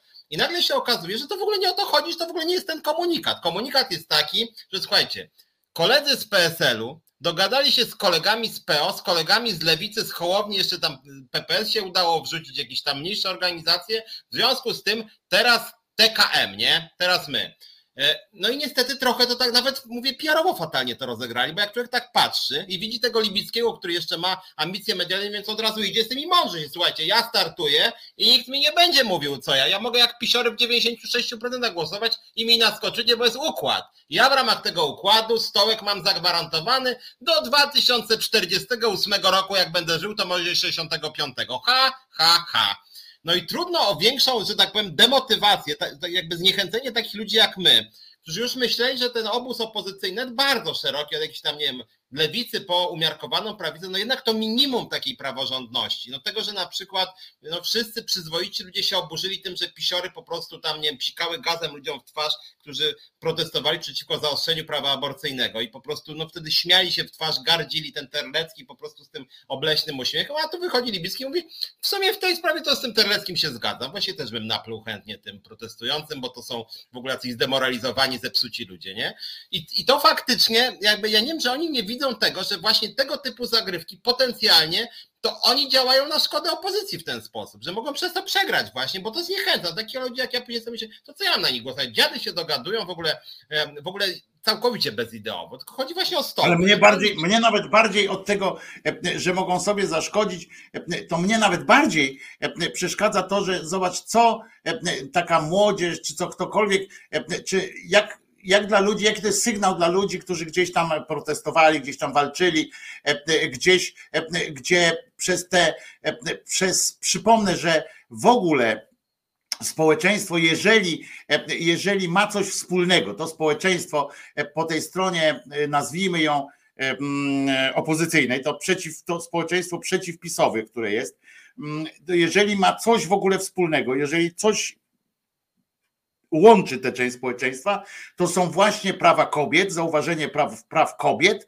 e, wspólne i nieprawości, tak, tych wszystkich e, sytuacji, które są e, pogwałceniem praw obywatelskich. I jeżeli i, i LGBT, tak? To są te, te, takie rzeczy, które najbardziej integrują, bo, bo wśród tych osób te poglądy na przykład na kwestie gospodarcze, na kwestie jakiejś tam polityki zagranicznej są różne często, prawda? Ale, ale to, co nas zjednoczyło, tak po prostu ludzi myślących jakoś tak, mających wrażliwość jakąś, to, co nas połączyło, potrafiło nas połączyć ponad właśnie jakimiś podziałami gospodarczymi i tak dalej, to było właśnie to, to jest jest właśnie, to są te prawa kobiet, e, to są e, prawo e, do szczęścia, prawo do życia, właśnie in vitro i tak dalej, i tak dalej. Jeżeli, mm, jeżeli ci ludzie przez cały ten czas jakoś tam starali się, protestowali, stawali po tej stronie, wystawianie w tym momencie, wystawianie w tym momencie e, takiego kolesia, e, a tam podejrzewam, że więcej jest, bo, bo e, przecież wystawiają też do Sejmu, pewnie będzie i Poncyliusz, prawda, do Sejmu i tam inne takie te z z platformy, tam te, te, te, te, takie prawaki z platformy. I wy, wystawianie ich to jest policzek po prostu i to jest pokazanie tym młodym ludziom, że młodym ludziom zwłaszcza, że ta cała konsekwencja, ten cały, ten cały etos jakiejś takiej wspólnoty i tak dalej, to pęka w momencie, kiedy w grę wchodzą właśnie te interesy, o których wspomniałeś, te takie, że pan Władek z panem Piotr, z panem z, z Dziskiem tam zawsze się lubili, czy coś tam, czy jakieś takie rozważania, że zasady, to jest sygnał taki jasny, zasady nie mają żadnego znaczenia. Etos nie ma żadnego znaczenia. E, to jest tego typu e, sygnał do, do ludzi, że można powiedzieć wszystko, można e, być przeciwko czemuś i, i nie ma żadnych tak, i co więcej, konsekwencji. Tusk, Tusk tam rzuci, że tam nie wiem, kto jest, nie wiem, przeciwko liberalizacji prawa aborcyjnego, czy przeciwko związkom partnerskim, to nie trafi na nasze listy do Sejmu, ale i później dzwoni, stary kurde, co, co ty w ogóle gadasz? Spokojnie, jest Europarlament, jest Senat, są miejsca w spółkach Skarbu Państwa. Nie denerwuj się, Krzysiu. Wszystko będzie dobrze. Niestety tak to później wygląda. Bo A poza tym zawsze jest to samo, jest takie głupie to mówienie, że nagle, e, rozumiecie, e, rozumiesz, pojawi się ten e, Tusk, tak powie na przykład, on na przykład wygłosił przecież fantastyczne tam przemówienie, które takie było jednoznaczne akurat w kwestii tej aborcji, w kwestii związków partnerskich. Nie posunął się niestety do, do tego, że, jest, że małżeństwa i tak dalej, chociaż ja uważam, że powinien, no ale dobra, no już przynajmniej przyznał, że te związki partnerskie, poza tym cała ta platforma tam krzyczy e, między innymi o to, e, że mm, e, platforma, czy, czy w ogóle spora część tej opozycji, na przykład, że in vitro jest naj, budzi najmniej kontrowersji, zgoda na in vitro w, w, tym całym środowisku opozycyjnym. I wychodzi taki koleżka i on jest reprezentantem, a kogo pan reprezentuje? PSL, a PSL kogo tu reprezentuje w tej, no całą zjednoczoną opozycję. Rozumiesz? To po prostu jest, jest go, cios gołą dupą w pysk dla, dla, e, dla e, takich, wiesz, porządnych, e, przyzwoitych ludzi. Nie powinno mieć miejsca na to tylko dlatego, że on, bo oni powtarzają, że on był lojalny wobec opozycji przez tych pięć lat, w związku z czym mu się należy miejsce na tym. No, czyli, czyli co? No, to po prostu jest dramat. No, moim zdaniem oczywiście, ale możecie się ze mną nie zgadzać, że zasady mają jakieś znaczenie. No. Nie, moim zdaniem to też jest dramat i znowuż dojdzie do sytuacji, że jeszcze na nie wiem, międzyczasie do wyborów się na, nawróci trzech pisiorów e, i wszyscy będą zachwyceni. Oni dostaną jedynki na listach, a ludzie bardziej progresywni wylecą, no bo przecież elektorat pisowski trzeba odbijać, więc przejdzie do PO jakiś, czy tam do lewicy, czy do Hołowni jakiś, nie wiem tam kto. E, Z ostatniego rzędu ktoś. Schreiber na przykład, że żona go przekonała na przykład i przejdzie do kołowni na przykład i wszyscy, o no to jest prawdziwy lider, nie? E, I dostanie jedynkę tam i będzie wielkim bohaterem opozycji w ogóle na sztandarach. Więc to jest po prostu. Znaczy, no już jest tam to... Giertych, już tam jest tak. Giertych, Kowal, ten, tak. cymbał, e, ten cymbał libicki, e, potem następni tam e, Niesiołowski już tam drepce też, żeby pewnie wrócić na salony, bo już się tam naruchał prawdopodobnie. Już... Sorry, że się śmieję, ale to jest tak absurdalna w ogóle sytuacja, jak pamiętacie ta afera, żeby polityk odszedł, odpadł z rządu, bo, bo przekupywali go, przekupywali dorosłego faceta, E, nie tam, że zapłacili mu jakieś pieniądze, tylko że go zapraszali do burdelu albo że, e, że wzywali do niego jakąś panią e, i on po prostu w podzięce za to, że oni mu przysłali panią, z którą mógł uprawiać nieskrępowany seks, potem jakoś tam udzielał dobrych rad. To po prostu dla mnie to było tak rozśmieszające, że się w pale nie mieści, nie? że on był tak nieśmiały jak Filipowski na, na lodowisku, że on był tak nieśmiały, że nie mógł e, tak po prostu sobie. A tu Rafał pisze, że Jakimowicz przegrał proces o zniesławienie, natomiast w kontekście tych procesów, bo to właściwie co tydzień powinno być ich 100, dzisiaj nie mówiliśmy o TVP, już wiele nie powiem, mamy dwie minuty. Natomiast ja ostatnio znowuż oglądałem po kilkutygodniowej przerwie program Strefa Starcia. Ja pierdzielę, to znaczy to jest coś tak po prostu kuriozalnego, i to niezmiennie, i to niezmiennie od lat. Niezmiennie. Ale właśnie nie, bo szokuje mnie szczególnie właśnie, bo to cały czas jest tak samo. Początek 10 minut pierwsze programu, kiedy prowadzący Adamczyk, znaczy otwartym takim faszystowskim otwarcie tekstem mówi, że tam Tusk, niszczyciel, zbrodniarz, świnia, rosyjski knur, tam no taki w ogóle jedzie po nim równo, po czym 10 minut czy 15 i później dopiero pingą, no to witamy teraz gości. I przedstawiają, i tak normalnie se gadają. Później tam ktoś z lewicy, ktoś tam odchodzi, no PO faktycznie nie przychodzi tutaj. Ale tak jakby, bo jak ja bym był w tym programie, powiedział, pan, co to w ogóle miało być te 10 minut? Pan w ogóle zwariował? Co, co to w ogóle było? Co pan jakiś czoło stawi? Znaczy dla mnie to niezmiennie jest, że w ogóle ten, szczególnie te 15 minut, to jest jakiś naprawdę coś... Ale, to, że oni potem, ale mało tego, oni potem, tam jest że Adamczyk jest w ogóle po prostu, on jest mistrzem, on jest takim kłeczek, e, kłeczek, ale, ale taki, e, on chyba aktorstwo skończył czy coś, bo, e, bo on po prostu wychodzi i tak wpisał się w taką rolę, on miał zawsze był taki właśnie bo zwróć uwagę, że tam teraz pracują tacy, co zawsze byli w tym drugim rzędzie, tak nie dopuszczali tam ten, nie? Bo Adamczyk przecież pracował w poprzednio też w TVP, tak jak ta Cholecka i tak dalej, tylko robił różne inne, pomniejsze rzeczy. I on teraz jest taki, on chce uchodzić, tak się napatrzył na tego Rachonia, nie, na tego Kłeczka, tak się napatrzył, że oni tacy, tacy są kurcze, e, flow, wiesz, w ogóle tacy fajni, twardzi faceci, prawdziwi faceci. E, I on e, chce i też tak, tak jest nieprzejednany, tak Panie pośle, bo tak po tych 10 e, tam minutach tego, że tam, e, że obozy koncentracyjne, tam w ogóle wszystko wrzucą temu Tuskowi.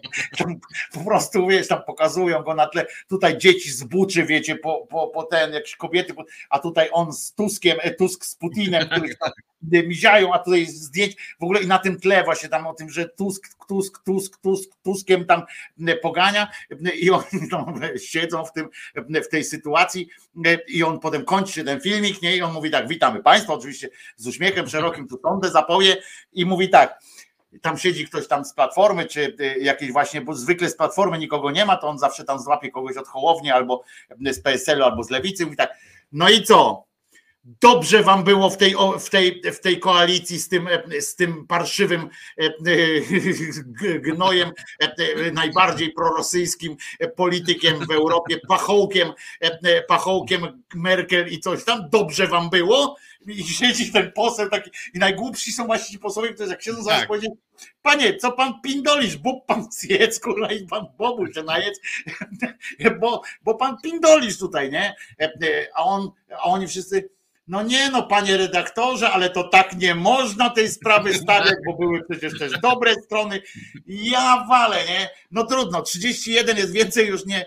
E, e, e, e, mm, Proszę tylko o jasną odpowiedź, panie Krzyżaniak i, Szumlewicz. Jedna lista czy osobno, ale co, do czego? E, To zależy, o czym mówimy. O Senacie E, jestem za wspólnym takim programowym porozumieniem, ale z minimum programowym, tak? W sensie takim, że, e, że na przykład te, te y, kwestie, które, e, które które powinniśmy po prostu, no, no, o które walczyliśmy przez te 8 lat rządów PiSu i szacunek dla kobiet i tak dalej, mm, to, to jednak powinien, powinny być niezbywalne. A do Sejmu nie, ja, ja nie uważam, że powinna być jedna. Nie, ja to, ja uważam, że, że, że jeżeli partie mają różne programy, to powinny startować osobno. Jak ja bym wysuwał listę, to bym się pewnie z nikim z nich nie dogadywał, bo się z nimi nie zgadzam. Natomiast, natomiast jak ja patrzę, co mówi Platforma, Hołownia, PSL i Lewica, to na chwilę obecną to oni mówią bardzo podobne rzeczy, więc, więc na przykład, więc na przykład nie wiem, Hołownia i PO w większości spraw mają podobne poglądy, więc ja trochę